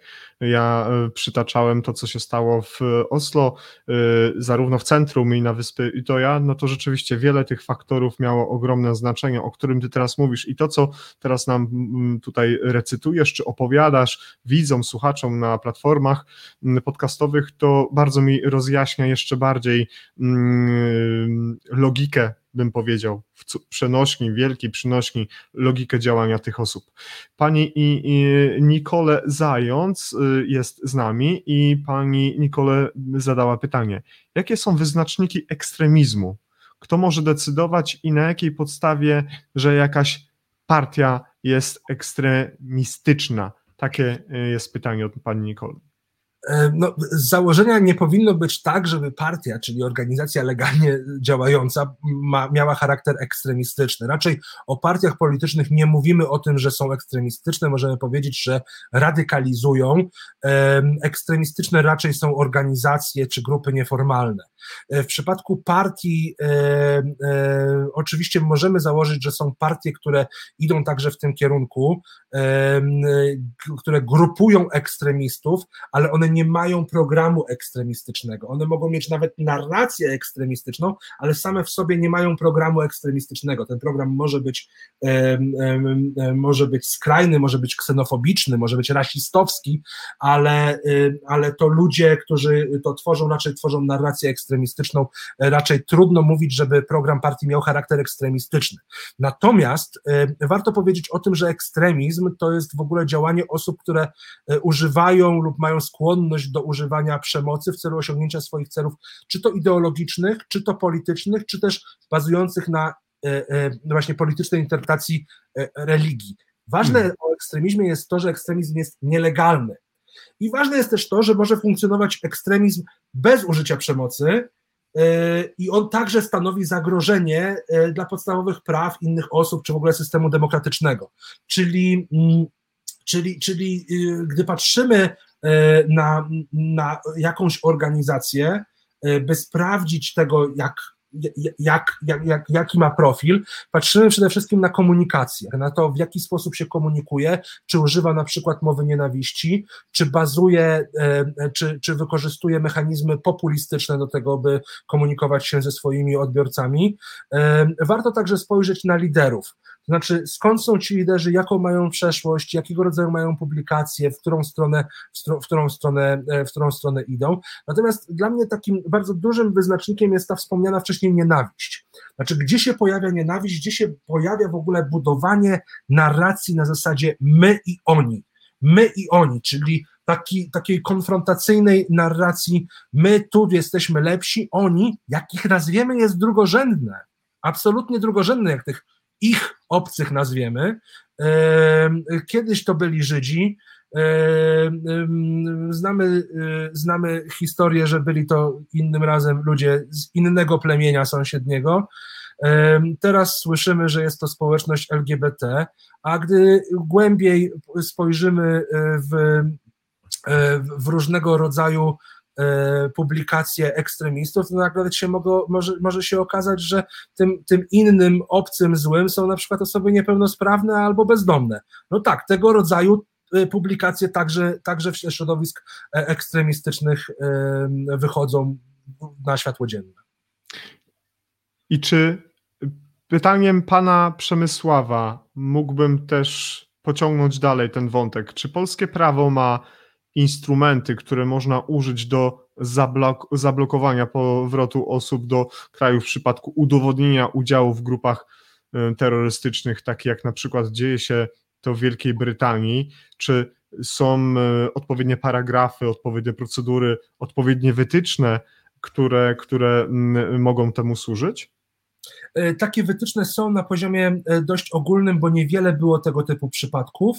E, ja znam kilka takich historii i to może to będzie zaskakujące dla części z Państwa, bo nie dotyczą one Syrii, tylko dotyczą one Ukrainy to na Ukrainie sympatycy organizacji neofaszystowskich z Polski brali udział, co ciekawe, po obu stronach konfliktu po obu stronach konfliktu. No i teraz ja mogę odpowiedzieć w ten sposób. Mechanizmy są i do tego jest rzeczywistość. Jeżeli eksperci mówią o kilku osobach, które brały udział e, w tamtym konflikcie po obu stronach, przepraszam, po stronie e, e, prorosyjskiej i o kilkunastu, które brały udział po stronie E, e, proukraińskiej, e, no to jakoś to się nie spina z tymi historiami, o których bym słyszał, że w Polsce y, y, miały miejsce. Znaczy gdzieś tam ci ludzie umknęli. Liczba, którą, o której raportują eksperci, bardzo odbiega od tego, o czym słyszymy, że o osobach, które zostały przechwycone przez, przez polski wymiar, wymiar, wymiar y, prawa. Tu są różnego rodzaju też instrumenty, bo możemy mówić zarówno o organizacjach terrorystycznych, jak i przecież służbie dla e, innego kraju, tak, w strukturach wojskowych innego kraju, co też jest zupełnie inaczej penalizowane niż służba dla e, organizacji terrorystycznych. Mi się marzy taka sytuacja, żeby służby w Polsce zamiast legitymować wszystkich Sikhów na dworcu, na lotnisku czy na dworcu centralnym.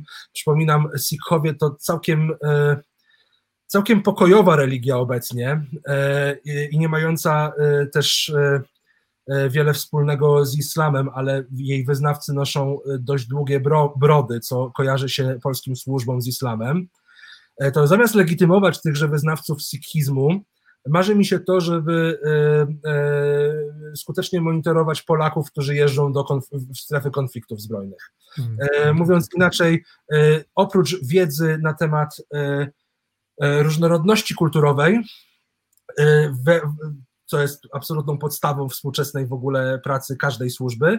E, przydałoby się także też, także też mocne rozpoznanie tych środowisk, które są zainteresowane braniem, braniem udziału w, w konfliktach. Jeżeli jest tak, że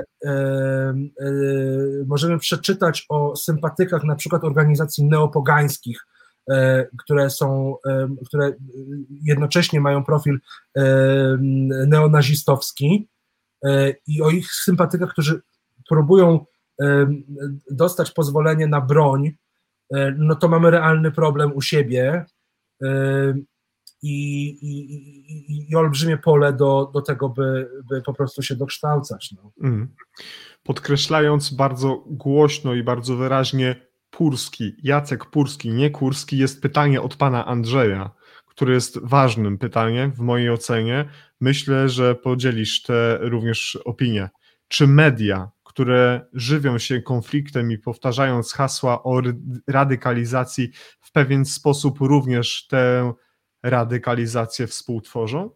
E, no, to jest właśnie pytanie tak naprawdę o proces polaryzacji, bo to jest tak, że rzeczywiście, e, żeby E, jedna rzecz, to, jedną kwestią to jest to, że, e, że o radykalizacji trzeba potrafić mówić. E, o terroryzmie trzeba potrafić mówić. Znaczy nie da się mówić o terroryzmie bez mówienia o procesie radykalizacji. Więc, więc to jest, uważam, spory grzech mediów, że w ogóle nie rozpoznają tego, tego zjawiska jako przyczynku do, do, do, do, do, mm, Y, do, do mówienia o terroryzmie w ogóle, tak, czy mówienia o radykalizacji. To, to, jakby, y, to jest oczywiście olbrzymi problem. Natomiast y, media żywiące się konfliktem, media, które, które powtarzają różnego rodzaju stereotypy, to są raczej media, które wpadają, w świetnie, wpadają świetnie w definicję polaryzacji. Znaczy, inaczej mówiąc, mamy do czynienia na poziomie debaty publicznej w mediach, e, debaty medialnej może, e, mamy do czynienia z taką modą na z jednej strony szukanie symetryzmu, a z drugiej strony, ale z, tej, z innej strony także modą na na, jaki, na swego rodzaju, no właśnie modą na konflikt, tak? Znaczy, znamy to, że bardzo wielu dziennikarzy mówi: Nie mogę zaprosić przedstawiciela tej partii czy tego ruchu społecznego, jeżeli nie zaproszę kogoś innego z drugiej strony. To nie jest, to nie jest problem. Znaczy, to, to, to, to nie o to chodzi. Problem się pojawia w momencie, kiedy, znaczy mamy, kiedy mamy dwóch przeciwstawnych e, e, uczestników debaty. W debacie powinny być 3, 4, 5 głosów, żebyśmy nie mieli wrażenia tworzącej się polaryzacji. To jest bardzo proste ćwiczenie, ale ćwiczenie, które nam pokazuje, że e, to, co było jakimś wykładnikiem jakości mediów, że będę miał dwa głosy, to, to jest właśnie przyczynek do rosnącej polaryzacji. I teraz jedno zdanie tylko zamykające to w kontekście radykalizacji. Mhm. Polaryzacja jest przyczynkiem radykalizacji, ale polaryzacja nie jest jakby, nie, nie, jest, nie jest częścią tego procesu. Polaryzacja powoduje radykalizację. Polaryzacja, jak wykluczenie społeczne, może być tym gruntem, na którym rośnie proces radykalizacji.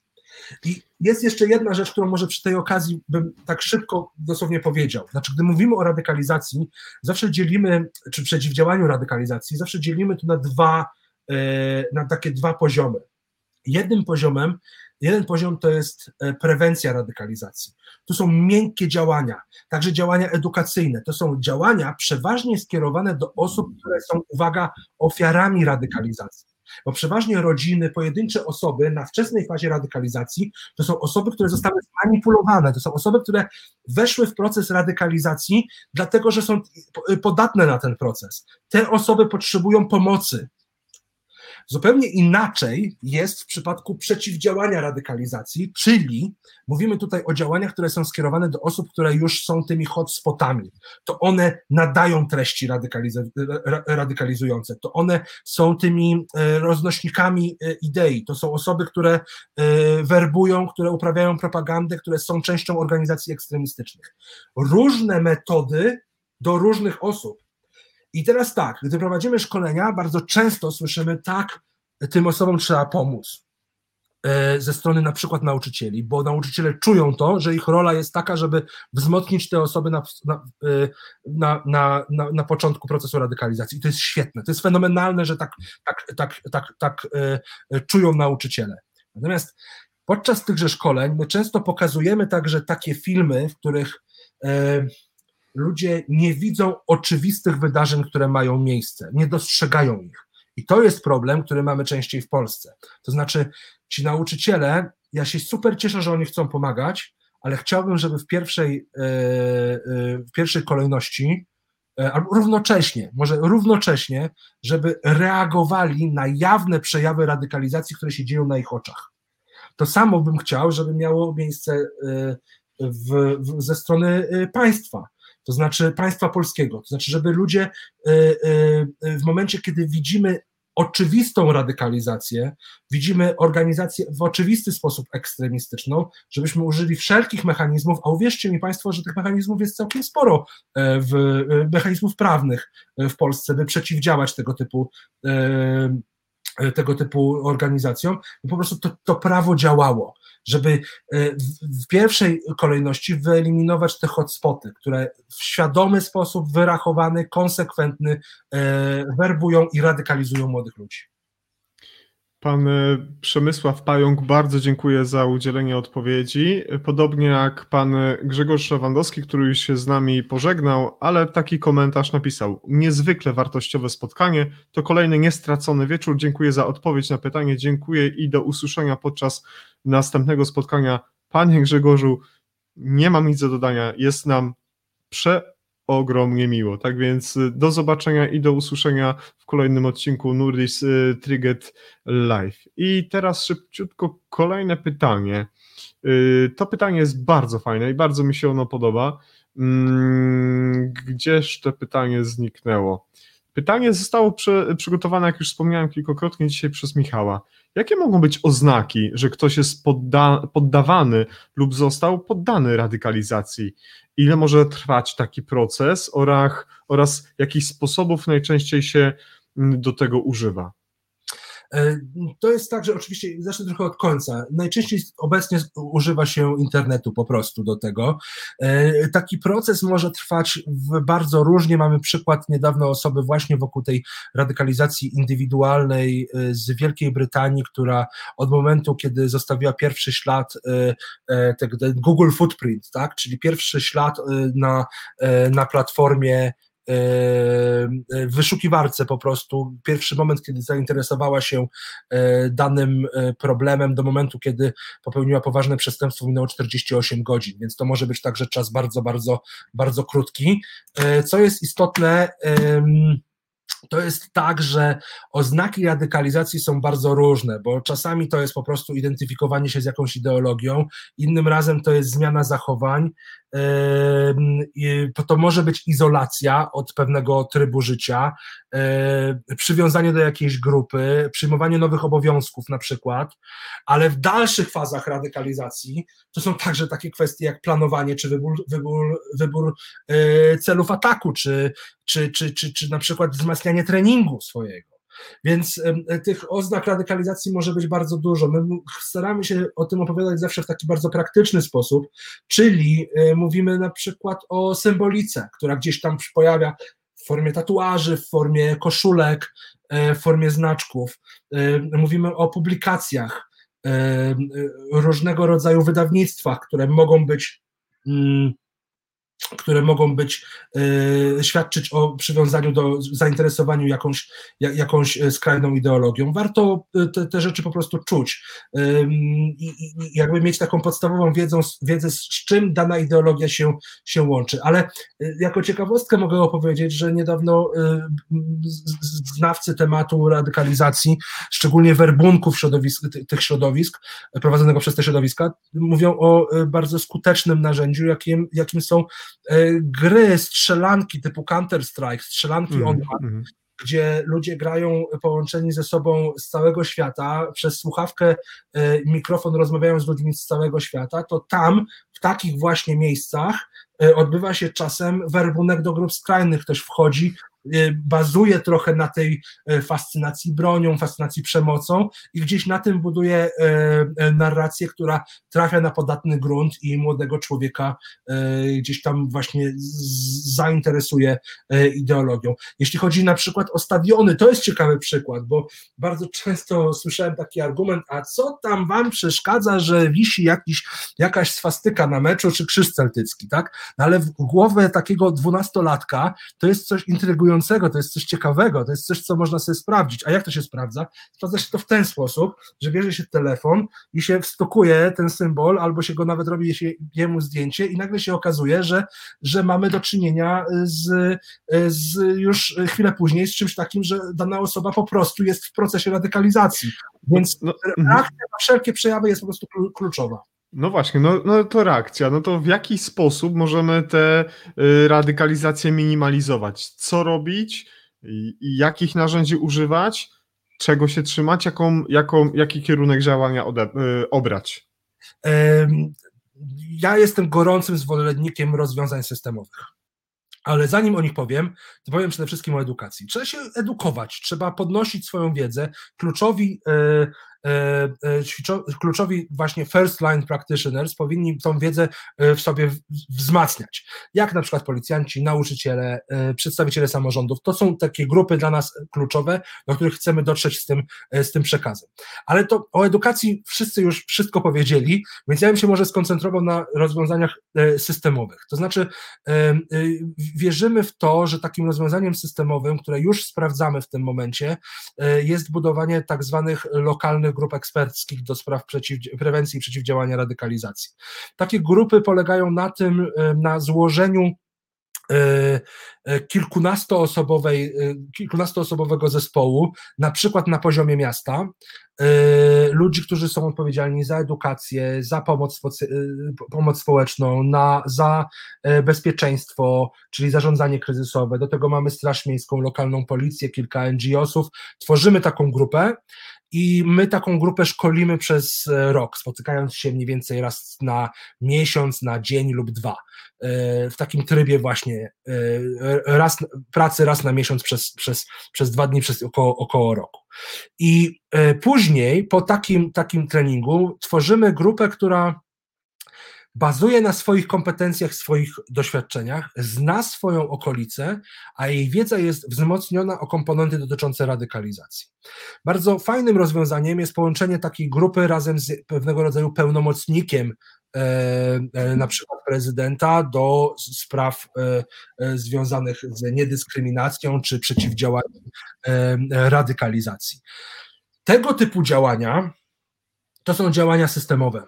To są działania, które sprawią, że nie będziemy mieli takiej sytuacji, jak ta, która dość często nas spotyka, gdzie podczas lekcji, podczas zajęć z nauczycielami słyszymy e, od nauczycieli, a co zrobić, kiedy przyjdzie do mnie uczeń z koszulką z symboliką ekstremistyczną. No i ja na takie pytania bardzo często odpowiadam, no można, mam dla pana, pani 100 odpowiedzi. To które pan, pani wybiera? I wy wszystkie są dobre. Ale gdy jutro e, uczeń pochodzenia romskiego, czy który przyjechał z Ukrainy, zostanie pobity w toalecie z racji tego, że jest tym innym obcym, to która z moich dzisiejszych stu odpowiedzi będzie dla pana, pani dobra? Obawiam się, że niewiele, bo to jest zupełnie co, co innego. Pytanie, problem, znaczy rozwiązaniem są właśnie tego typu grupy. Fajnie by było, gdyby taki nauczyciel czy nauczycielka mogła pójść z takim konkretnym case'em do grupy, do której, w której siedzą ci ludzie z tych różnych, różnych e, wydziałów i, i, i instytucji i by mogła powiedzieć, mam taki, taki, tak, tak, tak, tak, taki problem, bo każda z tych instytucji, człowiek reprezentujący każdą z tych instytucji da inną odpowiedź. I będziemy mieli 15 z tych, z tych 100, o których mówiłem, ale one będą dopasowane do danego problemu będą dopasowane do tego, co się naprawdę wydarzyło. I niektóre Czyli... będą za mocne, a niektóre za słabe, ale znajdziemy różne odpowiedzi. Czyli pójdziemy do porządnego krawca, który skroi nam garnitur na miarę dokładnie tak jak należy. Czas nas goni, więc zostały dwa pytania, bardzo ważne pytania, które należy zadać, a co najważniejsze, na, na te pytania należy usłyszeć odpowiedź od prezesa Instytutu Bezpieczeństwa Społecznego, pana Jacka Purskiego. Mówiliśmy dzisiaj już o, o pandemii. Y, ten temat jest odmieniany y, przez wszystkie przypadki, ale pozwól, że jeszcze raz na chwilkę do tego wrócimy. Tak. Pandemia ograniczyła wiele przedsięwzięć, które wymagają bezpośrednio kontaktu. Czy mm, sama choroba y, COVID-19 wpłynęła pozytywnie czy negatywnie na, na te procesy radykalizacji? No niestety wpłynęła w bardzo negatywny sposób, bo na początku mieliśmy fazę pewnego rodzaju e, przestępstw skierowanych do ludzi, które, do osób, które mają e, azjatyckie pochodzenie, ale chwilę później rozlała się fala w pierwszej kolejności fake newsów, a w drugiej kolejności teorii spiskowych. No te teorie spiskowe e, to, to są naprawdę fenomenalne rzeczy, które teraz wracają, a większość z nich wywodzi się właśnie ze środowisk ekstremistycznych. E, więc, więc warto o tym pamiętać, że, że, że razem z pandemią pojawiają się także nowe e, tendencje, takie jak e, neonazistowski ruch akceleracjonistów, czyli e, e, tak zwany accelerationist e, movement, ludzi, którzy trochę bazują na atmosferze strachu, niepewności, mówią o tym, że, że, że chaosu, mówią o, o nowym porządku, który ma powstać na zgliszczach starego porządku i, do, i często do tego podpinają ideologię rasistowską, opartą bardzo często na teorii spiskowej tak zwanego white race. Y, y, y, znaczy, no, to tak naprawdę to są różne teorie spiskowe, które tutaj wchodzą, bo to jest mm -hmm kilka, kilka, taki miks kilku, kilku e, teorii właśnie związanych e, e, głównie ze środowiskami właśnie neonazistowskimi. Więc niestety to jest przykład na to, że no COVID niestety nam uruchomi wiele, wiele, wiele różnych niefajnych procesów. Zaraz będziemy mieli jeszcze, chyba jeszcze się nawet dobrze nie zaczęło, całe zamieszanie dotyczące szczepień, to będzie kolejny kolejna pożywka do e, tworzenia różnego rodzaju teorii spiskowych i fake newsów, a niestety jedno i drugie jest, e, tworzy podatny grunt do rozpoczęcia procesu radykalizacji. Zaglądajmy, drodzy Państwo, na ten blog, który będzie żył, będzie tętnił i Państwa opinie, Państwa komentarze, Państwa wnioski do ekspertów o to, by poruszać konkretne kwestie, stworzą ten blog. To będzie żywe ciało, które będzie rosło tak mocno, jak będzie rosła e, chęć Państwa na gromadzenie wiedzy, między innymi o radykalizacji, między innymi o tych kwestiach, które dzisiaj są przedmiotem naszego spotkania. Instytut Bezpieczeństwa Społecznego realizuje nieustannie cały proces edukacyjny. E, szczególnie w Polsce jest to bardzo mocno e, widziane na rynku edukacyjnym z punktu widzenia różnych instytucji. Nauczyciele, e, oczywiście rodzice, pracownicy socjalni. Mówiliśmy o funkcjonariuszach służby więziennej, ale też policjanci czy możesz powiedzieć coś więcej na temat realizowanego projektu w Dąbrowie Górniczej, bo to jest arcy y, ciekawy y, przykład. Jasne. No, Dąbrowa Górnicza jest takim naszym miejscem, gdzie y, robimy pierwszą w Polsce ekspercką grupę do spraw prewencji i przeciwdziałania radykalizacji. Fenomenalne miasto, fenomenalni urzędnicy i w ogóle te osoby zaangażowane w naszą gru grupę to są ludzie, którzy po prostu no, no, poczuli ten temat. To jest niesamowite, kiedy wchodzimy z zewnątrz do grupy ludzi, którzy znają się, e, którzy są bardzo oddani swojej pracy i nagle im mówimy, będziecie mieli troszkę więcej obowiązków, to nie każdy się cieszy z tego. Natomiast chwilę później pokazujemy, że to ma przełożenie na nasze codzienne bezpieczeństwo, na bezpieczeństwo ich dzieci, na na skuteczną prewencję, którą robią co, co, co, codziennie. To tam zebraliśmy właśnie urzędników z różnych e, departamentów, wydziałów, e, dołożyliśmy organizacje pozarządowe, różne instytucje kultury. E, ci ludzie już, mamy przyjemność z nimi współpracować już ponad rok. Tego typu inicjatywa już została odebrana brała już udział w konkursie e, na innowacyjną politykę e, miejską. Wszystko to nie, w ogóle by się nie wydarzyło, gdyby nie Marcin Bazylak, wyjątkowy prezydent, naprawdę wyjątkowy prezydent, człowiek, który mówi tak, ja w to wchodzę, bo ja to czuję, że niektórym problemom my stawimy czoła dzięki tej, tej, tej, tej grupie, a na inne Będziemy przygotowani, zanim się pojawią. Czy ja rozmawiam naszymi odbiorcami dzisiaj są, są często medycy. Czy to nie jest tak, że to właśnie zapobieganie ma większy sens niż leczenie? No przecież wszyscy to wiemy. I Marcin Bazylak to doskonale czuje, e, ale też Marcin Bazylak to, to okej, okay, to, to charyzmatyczny lider, ale e, e, poza Marcinem jest, poza prezydentem Dąbrowy jest zespół ludzi. Zespół ludzi, który jest absolutnie w ogóle fenomenalny. Ludzie, którzy przychodzą i mówią e, otwarcie o swoich doświadczeniach, mówią o tym, w jaki sposób mogą się zaangażować. I my mieliśmy jeden incydent który przerabialiśmy warsztatowo podczas pracy z Dąbrową Górniczą. E, incydent taki właśnie motywowany nienawiścią i podczas tej pracy nie zapomnę e, e, takiego, takiego spojrzenia jednej z uczestniczek i komentarza jednego z uczestniczek, który prawdę mówiąc mnie powalił po prostu totalnie na łopatki. Ona powiedziała, gdy to się wydarzyło i gdy pracowaliśmy na, nad jakąś odpowiedzią ze strony miasta, to tak czułam, że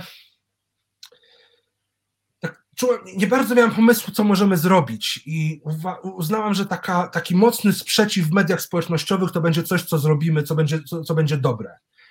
I to zrobiliśmy. Ale po tych warsztatach ja wiem, że po pierwsze mogliśmy zareagować na 15 różnych płaszczyznach i do tego ludzie, którzy by to zrobili są w tej naszej grupie.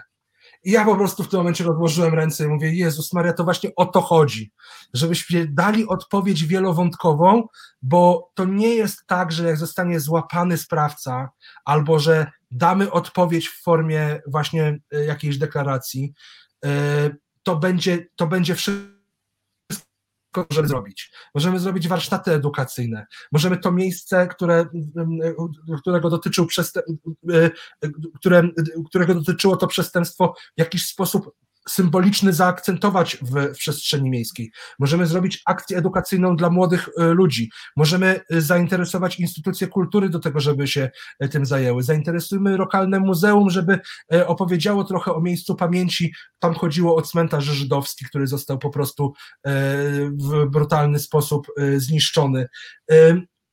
Ale dalej szliśmy, mówiliśmy, w jaki sposób można podpowiedzieć policji, jak działać w tej sytuacji. Absolutnie. I po prostu nagle się okazało, że tych odpowiedzi jest, jest, jest kilkadziesiąt i mówią, wszyscy mówią, wow, czyli my od, na tym jednym incydencie możemy nie dość tego, że rozwiązać ten problem, to jeszcze mhm. zapobiec następnym. No, czyż nie o to chodzi? I to bym chciał dedykować prezydentom wszystkich miast w Polsce, że można w ten sposób myśleć systemowo o problemie nienawiści, systemowo o problemie radykalizacji i systemowo temu przeciwdziałać, a nie tylko ad hocowo jakimiś takimi działaniami małymi, małymi i e, niezbyt skutecznymi. Mamy nadzieję, że te dobre postawy będą właśnie w ten dobry sposób y, kopiowane, powielane, po to, byśmy jak najmniej słyszeli w mediach, w prasie, w mediach społecznościowych o y, efektach y, patologicznych mm, wynikających z nadużywaniem, czy w ogóle używaniem takich pojęć jak radykalizacja i ekstremizm. Już powiedziałeś troszeczkę o tych wsparciach różnego rodzaju, mm, jeśli chodzi o pomysły, y, ale w jaki sposób można wesprzeć działalność Instytutu Bezpie Bezpieczeństwa Społecznego? Czy w ogóle y, jest taka możliwość i, i, i jak według Ciebie wyglądałaby najlepsza forma wsparcia Waszych działań? Można przedstawić nasze działania edukacyjne w lokalnej szkole, e, tak żebyśmy mogli do niej przyjechać i po prostu e, zrobić zajęcia dla nauczycieli. Można zainteresować samorząd takimi, e, takimi działaniami, jakim jest tworzenie lokalnej grupy eksperckiej. Można także po prostu do nas napisać i napisać nam miłe słowo, to też jest fajne. Trochę żartuję, a trochę mówię serio, bo to też czasem fajnie usłyszeć, że, że to, co się robi, ma sens. Można także pisać bloga, można dołączyć do naszej grupy eksperckiej eksperckiej, e, tej e, ogólnopolskiej grupy eksperckiej, e, której członków i członkinie widzieliśmy też tutaj w, wśród naszych dzisiejszych słuchaczek i słuchaczy, więc, więc, więc tych form wsparcia jest bardzo dużo.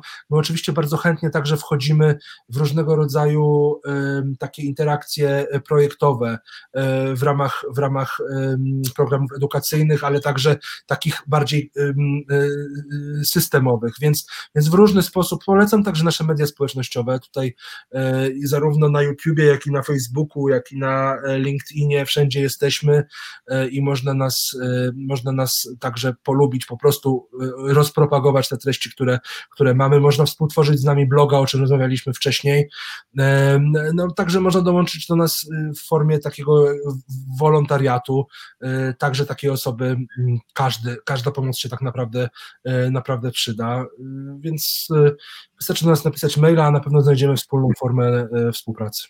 Tak zwane wszystkie ręce na pokład. Teraz poproszę Cię, żebyś przez krótką chwilkę zastanowił się, jakbyś mógł podsumować dzisiejsze nasze spotkanie. A ja w tym czasie, drodzy Państwo, pozwolę sobie jak zwykle zaprosić wszystkich widzów i słuchaczy do tego, by dołączyli do nas już 24 marca, a 24 marca będziemy mieli bardzo fajne, bardzo ciekawe, bardzo wartościowe spotkanie w ramach rozmów o medycynie ratunkowej, ratownictwie medycznym i intensywnej terapii. Będziemy gościć pana Adama Burakowskiego w rozmowie na żywo w Nuristriget Live z Lotniczego Pogotowia Ratunkowego. Pan Adam jest lekarzem anestezjologiem, ratownikiem TOPR-u, jest również dyrektorem medycznym LPR-u właśnie w Polsce z panem Adamem będziemy rozmawiać o mm, właśnie ratownictwie medycznym, ratunkowej medycynie, intensywnej terapii w kontekście statków powietrznych floty LPR-u. Tak więc 24 marca, godzina 19, wyjątkowo zaczynamy trochę później, bo pan doktor ma dyżur, ale postaramy się, żeby to wszystko się odbyło również sprawnie, podobnie jak dzisiejsze nasze spotkanie. Tak więc zachęcam e, bardzo serdecznie do tego, żeby do nas zajrzeć, a ja e, e, chciałbym w tym momencie wręczyć taki mały upominek od naszego nadwornego y, y, y, rysownika. Naszym rysownikiem, jak wiecie, drodzy Państwo, jest Mike, który. Mm, gdzie mamy ten rysunek? Który, mm, który na, na, narysował który narysował prezent dla naszego gościa, dla Jacka Purskiego. To jest rysunek od naszego Majka. Słyszymy się, Jacku? Tak, tak, na chwilkę mnie coś wyrzuciło, ale już jestem z powrotem. Tak. To jest nasz pokładowy y, y, rysownik Mike, który rysuje takie piękne rzeczy i to jest prezent dla ciebie.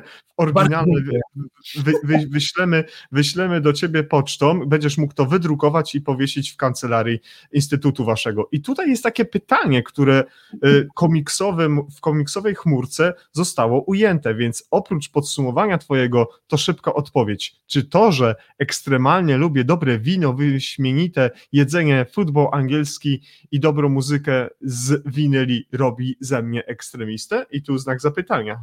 Z, wręcz e, przeciwnie. Wręcz przeciwnie, ponieważ y, wszystkie te, y, te, te, te, te, te kwestie wymienione Tak, rzeczywiście wszystkie je lubię bardzo.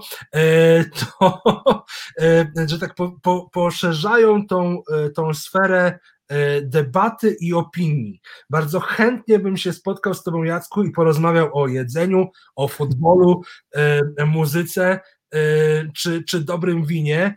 I to jest ta część, którą nawet gdy różnimy się między sobą, że widzimy nawet proces polaryzacji E, w społeczeństwie. To jest rzecz, którą tak naprawdę doświadczamy non-stop.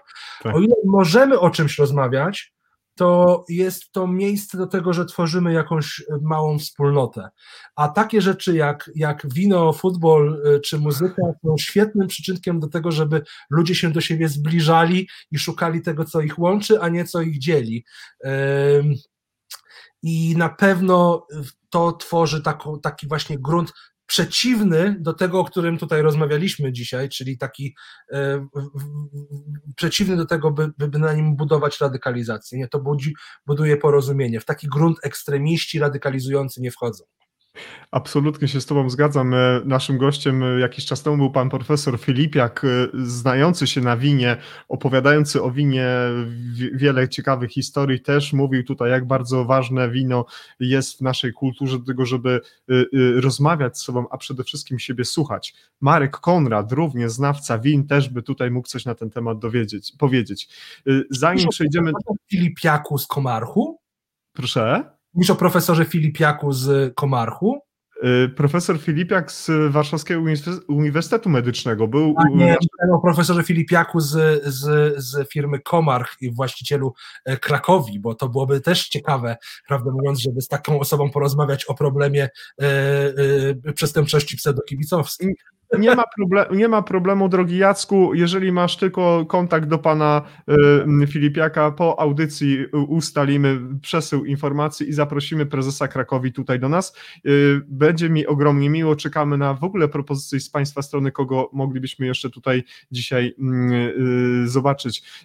Jeszcze drogą podsumowania oddaję głos Jackowi Purskiemu i za chwilkę jeszcze pożegnamy się z państwem, ale dosłownie kilka minut jeszcze Jacka po podtrzymamy. Słucham, prosimy o podsumowanie dzisiejszej y, audycji y, związanej z radykalizacją i ekstremizmem w wydaniu prezesa Instytutu Bezpieczeństwa Społecznego, pana Jacka Purskiego. Przede wszystkim niesamowicie się cieszę, że możemy rozmawiać o tematach radykalizacji w taki sposób, powiedzmy, e, niekoniecznie e, nastawiony na przekazanie jakiejś wiedzy. Znaczy, rozmawiamy sobie dość luźno o tym. E, ja jestem przyzwyczajony niesamowicie do tego, że prowadząc szkolenia w ostatnim czasie, szkolenia online'owe, mówię przeważnie tak, żeby czegoś nauczyć, żeby jakąś wrażliwość wzbudzić. E, I dla mnie to dzisiejsze spotkanie jest taką, mm, stwarza taką formułę, która było w takiej formule, która, która była dla mnie niesamowicie przyjemna, bo po pierwsze mogliśmy mówić o rzeczach ważnych w moim mniemaniu, ale jednocześnie mogliśmy też mówić o nich w taki, w taki luźny sposób. I to jest dla mnie, tak jak powiedziałem, niesamowicie przyjemne, ale też, też cenne, że możemy dyskutować o tych kwestiach na takiej płaszczyźnie właśnie wzajemnego porozumienia, gdzie, y, gdzie, gdzie treści ważne gdzieś tam się pojawiają, ale gdzie przede wszystkim rozmawiamy o życiu, mówimy o tym, czego dotyczą nasze codzienne, e, codzienne problemy i w jaki sposób na nasze codzienne bezpieczeństwo nas, naszych dzieciaków może wpłynąć proces radykalizacji.